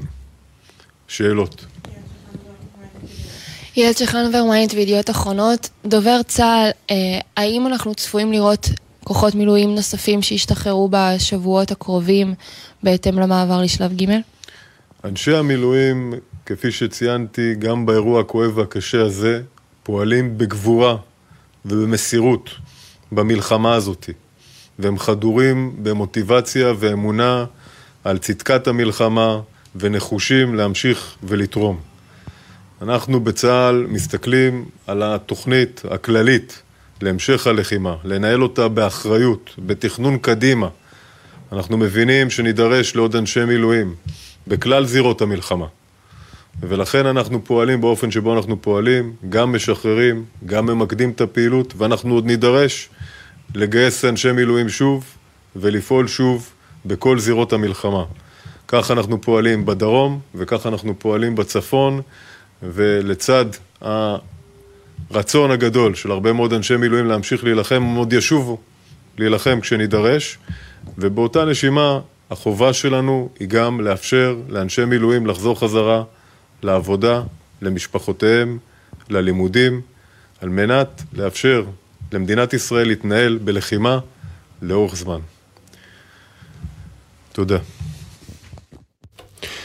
כך אה, דובר צה"ל, תת-אלוף אה, דניאל אה, הגרי, דורון קדוש, 21 לוחמי מילואים נפלו באסון הזה, דובר צה"ל מאפשר את פרסום המספר, 21 לוחמים. נכון אפי, למעשה לאחר שעודכנו כלל משפחותיהם של הנופלים, עכשיו ניתן לומר ש-21 לוחמי מילואים נפלו באסון הכבד הזה ליד מחנה הפליטים אל-מורזי במרכז רצועת עזה. דובר צה"ל מתייחס גם לחרושת השמועות שהייתה אתמול במהלך כל שעות הערב והלילה ואומר אנחנו מפרסמים רק מידע מאומת ורק לאחר שמעדכנים את המשפחות ובעניין הזה כרגע אפשר לומר שכלל המשפחות עודכנו. הסיבה שעדיין לא מתפרסמים כל השמות היא שעדיין אה, מעדכנים גם מעגלים רחוקים יותר ורק לאחר שמוודאים שכל המעגלים מכירים רק אז מפרסמים. בשעות הקרובות צפויה לצאת הודעה גם עם שמותיהם של 11 הלוחמים הנוספים ששמותיהם טרם פורסמו. כובד האסון אה, ניכר גם על פניו של דובר צה"ל. דורון, מה אתה שומע מהמפקדים אה, בצה"ל, מהקצינים שאתה מדבר איתם? באמת אסון קשה ביותר. נכון מאוד, וצריך אה, בהקשר הזה להגיד אפי שאסון מהסוג הזה ובסדר גודל כזה הוא אסון שעשוי לשנות את פניה של המלחמה. וראינו את זה גם באירועים קודמים, איך אה, מלחמות שינו את פניהם לאחר שקרו אירועים לא צפויים ולאחר שאסונות מהסוג הזה קרו, למשל אה, דוגמת אסון המסוקים אה, בשנות ה-90. צריך להגיד, אפי, בעניין הזה, שבשלב הזה כל המפקדים שפיקדו על האירוע היו שם באותו הזמן, אה, ממש במהלך האירוע עצמו, בזמן האירוע, היה שם מפקד החטיבה, מפקד החטיבה הדרומית של אוגדת עזה, שמפקדת על המאמץ הזה של החיץ, של הכנת הפרימטר.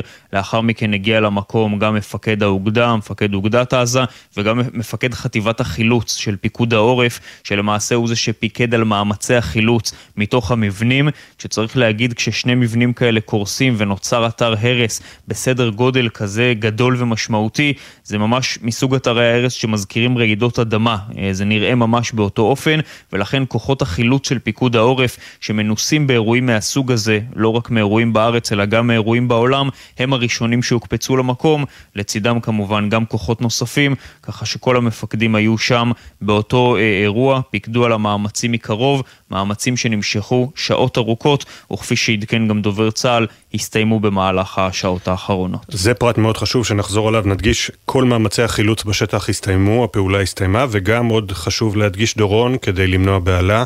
אה, כל 21 משפחות החללים עודכנו, עד כה הותרו לפרסום שמותיהם של עשרה מבין ה-21, אבל כל המשפחות עודכנו.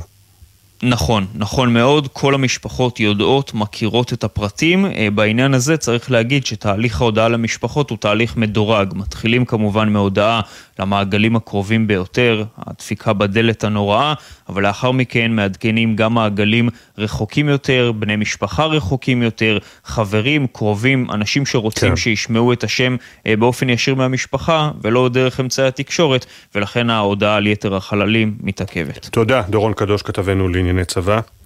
גם נשיא המדינה יצחק הרצוג מפרסם כעת אה, הודעה, מהבוקר קשה מנשוא, בו עוד ועוד שמות של טובי בנינו, מגש הכסף במלוא מובן המילה, נוספים למצבת הגבורה במלחמה שאין צודקת ממנה. גם בבוקר העצוב והקשה הזה אנחנו חזקים וזוכרים שביחד ננצח דבר נשיא המדינה.